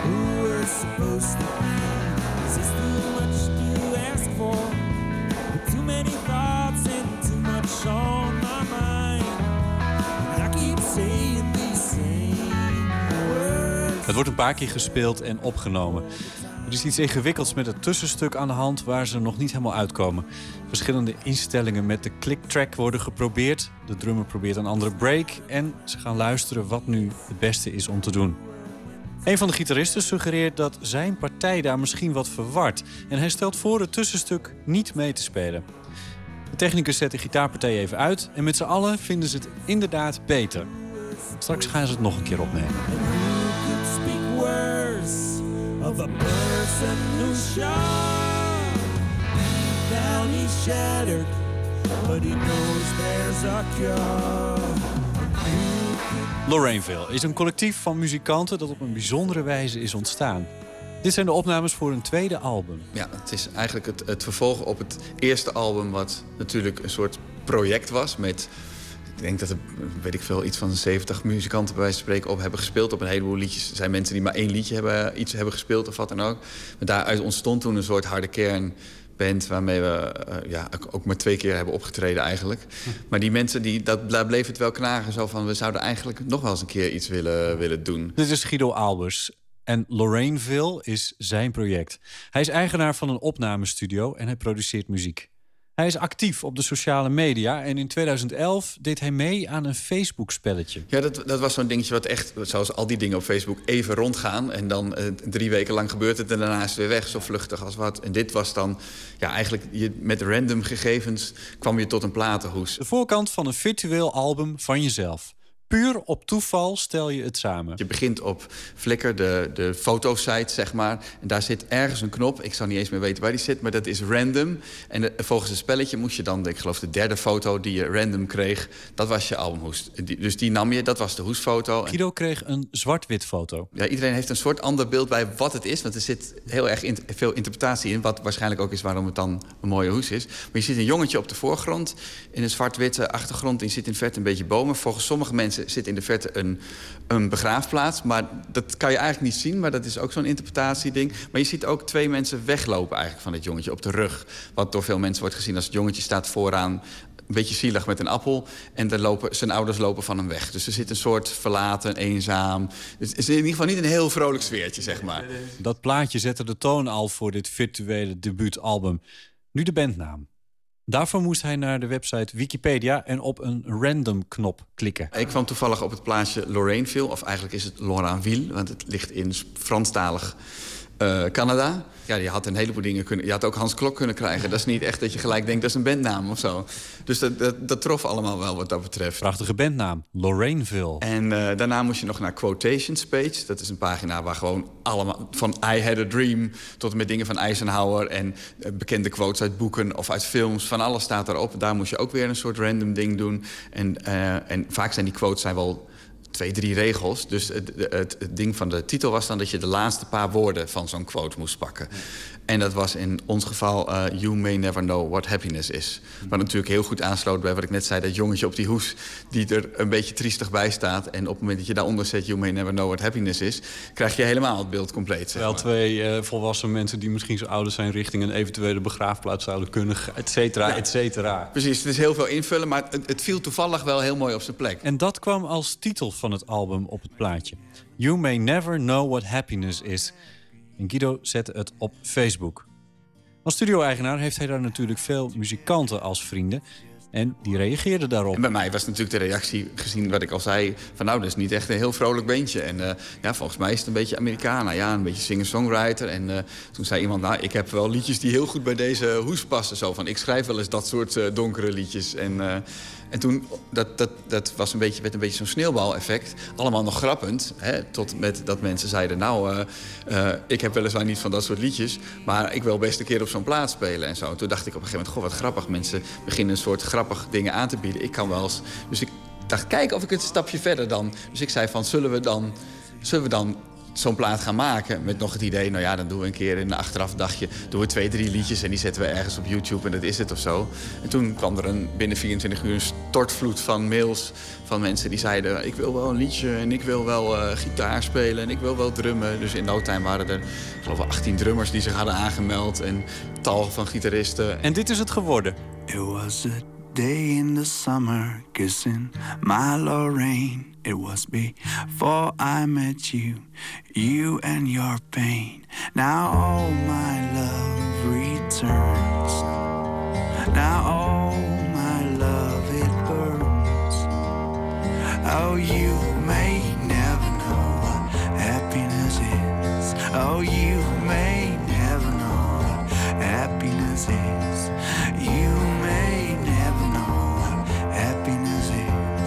is, but surely I will. Guido presenteerde het album feestelijk met een optreden in Zwolle. En tot zijn verbazing won het album een Edison. Een prestigieuze muziekprijs. Ja, dat was een, was een soort bizar eh, eh, kerstje op de, op, de, op de taart, of hoe noem je het? Een soort leuk extraatje.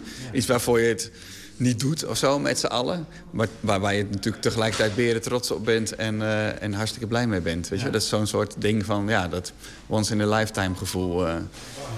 Want wa- had je, dat had je op geen enkele manier verwacht? Nee, nee, want die- kijk, die Edisons, dat is zo'n prijs, net als met Oscars en zo. Je hebt nominaties en je hebt categorieën. Nou ja, je weet van tevoren wat de categorieën zijn en wat die nominaties zijn. En dan sta je niet tussen. Dus dan ga je er ook niet van uit dat je ook maar enigszins daarbij zit. Nee, En, maar ik eh, bedoel ook qua, qua gevoel van dat album wat je erbij... want je hebt heel veel gemaakt. Dus je weet al een beetje wat... eh, Nou, ik had wel een heel goed gevoel bij dat album sowieso. Maar ja, dat, dat klinkt een beetje als een flauw cliché. Maar je zit, tenminste wij, zoals wij dit Lorraineville doen... zit je niet erin om, eh, om prijzen te winnen of wat dan ook. Je doet het omdat je het met z'n allen heel erg leuk vindt. En, en je wil met z'n allen een hele mooie plaat maken. En je hoopt dat er mensen zijn die dat ook mooi vinden. Maar dat, dat is eigenlijk wel in de core waar het om gaat. Weet je wel, in het hart. En, eh, en waar, daarom zei ik ook, het, het was een soort leuk kerstje op de taart als een soort bonusje. Maar daar doe je het niet voor, weet je. Het is niet idols of, eh, Nee. of wat dan ook waar, mensen, een, waar de muziek een wedstrijd is, om het zo maar te zeggen. En nu in deel 2. je pakt het iets anders aan. Je werkt met een, eh, met een kern, vertelde je al, een kern van muzikanten. Eh, en je stopt het allemaal in twee weken tijd. Maar wel onder de naam Lorraineville. Je had geen zin om nog een keer die Wikipedia in te duiken. Nee, nee het was, het was, dit is eigenlijk ook een beetje voortgekomen uit, uit de band. Qua eh, dat mensen zeiden, we eigenlijk wel vaker samenspelen en nog wat vaker doen. En, eh, en eh, dat, dat sluimerde altijd wel een beetje. En van ja, ga je dat dan wel, ga je dat dan niet doen? Het was ook een soort once in a lifetime. Hoe zou je dat dan nog een keer moeten doen? En het werd ook wel een beetje aangeslingerd door die, eh door die Edison. Want in het juryrapport stond ook een soort verwijzing van eh, iets van, ik weet niet meer letterlijk, maar eh, iets als eh, dit smaakt naar meer. En eigenlijk wil de jury wel eh, hiermee ook de, eh, aanmoedigen om met een vervolg te komen. Zoiets dergelijks. Dat je denkt van oké, ja, dat, de, eh, als, als hè, zeg maar dat soort gelouterde mensen dan zeggen van eigenlijk willen we dit nog wel een keer. En je kan niet natuurlijk hetzelfde eh, spontaan aanmengen. Maar gewoon dat jullie nog zo'n plaat maken. Los van eh, allerlei bemoeienis van platenmaatschappij of marketingplannen of weet ik veel. Gewoon jullie maken wat jullie denken dat je, dat je mooi maakt. Zo van ja, eh, dan gaat het toch kriebelen, weet je wel. En dan op een gegeven moment gaan mensen elkaar weer mailen. En, eh, en toen was het al wel op een gegeven moment... Ja, maar hè, wat, wat hou je hetzelfde, wat doe je anders? Dat is natuurlijk ook zo'n ding. En, eh, en ja, laten we dat samen doen. En eh, ik weet niet meer, iemand opperde op een gegeven moment... laten we dan wel niet standaard in de studio gaan zitten of zo. Laten we dan proberen met z'n allen echt even weg. Dat, het, dat dat ook anders voelt. Omdat eh, een deel van de mensen leeft er toch ook echt van. En, en gaat al podium op en studio in en uit. Zo van, kunnen we niet in de boerderij gaan zitten of weet ik veel. En toen, dat, daar was iedereen een beetje over aan het nadenken... totdat Gert-Jan van der Weert, de toetsenist, mailde... ik heb in de kroeg gezeten met de directeur van de Schouwburg in Kampen... En die wil best zijn, eh, zijn toko twee weken eh, zeg maar een soort van leeg aan ons opleveren. En doe maar wat je wil. En ja, toen zijn we wezen kijken hier. En eh, het heeft zo'n aparte, toffe sfeer. En eh, iedereen voelde dat gelijk wel goed. En eh zeiden we, nou, dan gaan we dat doen. Nooit aangedacht zelf om in de Schouwburg te gaan zitten. Maar waarom niet? Nee, een klein verbouwingje aan de hand op de achtergrond, maar dat is eigenlijk alles. Ja. Even nog over de muziek. Je zei, wat voor elementen houden we? Want er zit dat kennelijk dus iets in dat eerste album... wat lekker was, wat fijn was. Of in ieder geval, ja, misschien was het ook heel naar, maar daardoor dus goed. Kun je dat, kun je dat benoemen, wat dat nou eh, is geweest? En wat je ook, vooral ook omdat je het nu weer probeert te vangen? Ja, het is altijd lastig om daar inderdaad een goede vinger op en onder woorden te brengen. Maar het heeft wel te maken met een... eh, kom je wel op een aantal clichés, zeg maar... maar een soort eerlijkheid en een puurheid... en, en ook gewoon de schoonheid van songs of zo. Er worden...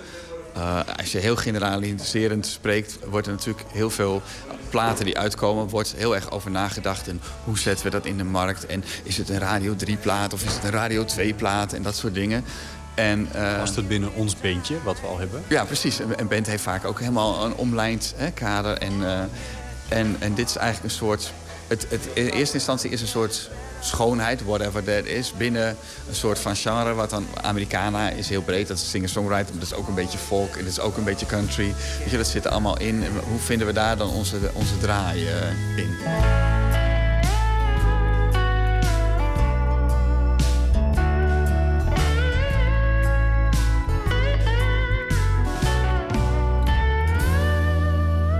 Zijn op de een of andere manier ook heel veel mensen die, eh, die ons volgen zeg maar, op internet en dergelijke. En die, die het leuk vinden om erbij betrokken te zijn. Die, waarom, waarom wij ook veel filmpjes en fotootjes en zo posten. Soms hebben we het idee, doen we niet te veel. Maar zodra we een dagje afremmen, krijg je berichtjes van... eh, eh, vandaag maar twee fotootjes of zo, hoe zit dat? En, dus mensen vinden het leuk blijkbaar om erbij betrokken te zijn. Zo is per slotverrekening ook begonnen. Ja. Op de sociale media, op Facebook. Ja, precies. Dus dat soort dingen houden we er ook wel in. En je hebt de zomerwerk. Ja. Zo, iedereen is weer twee weken, we- twee weken van straat. Iedereen heeft wel dat echt vrij moeten plannen. We hebben dat ook ruim van tevoren moeten plannen. Omdat ja, zoveel mensen tegelijkertijd in hun agenda twee weken vrij blokken. Dat is best wel heavy. eh. En jij zit de hele zomer te mixen. Ja, ik moet straks wel nog even flink aan de bak, ja.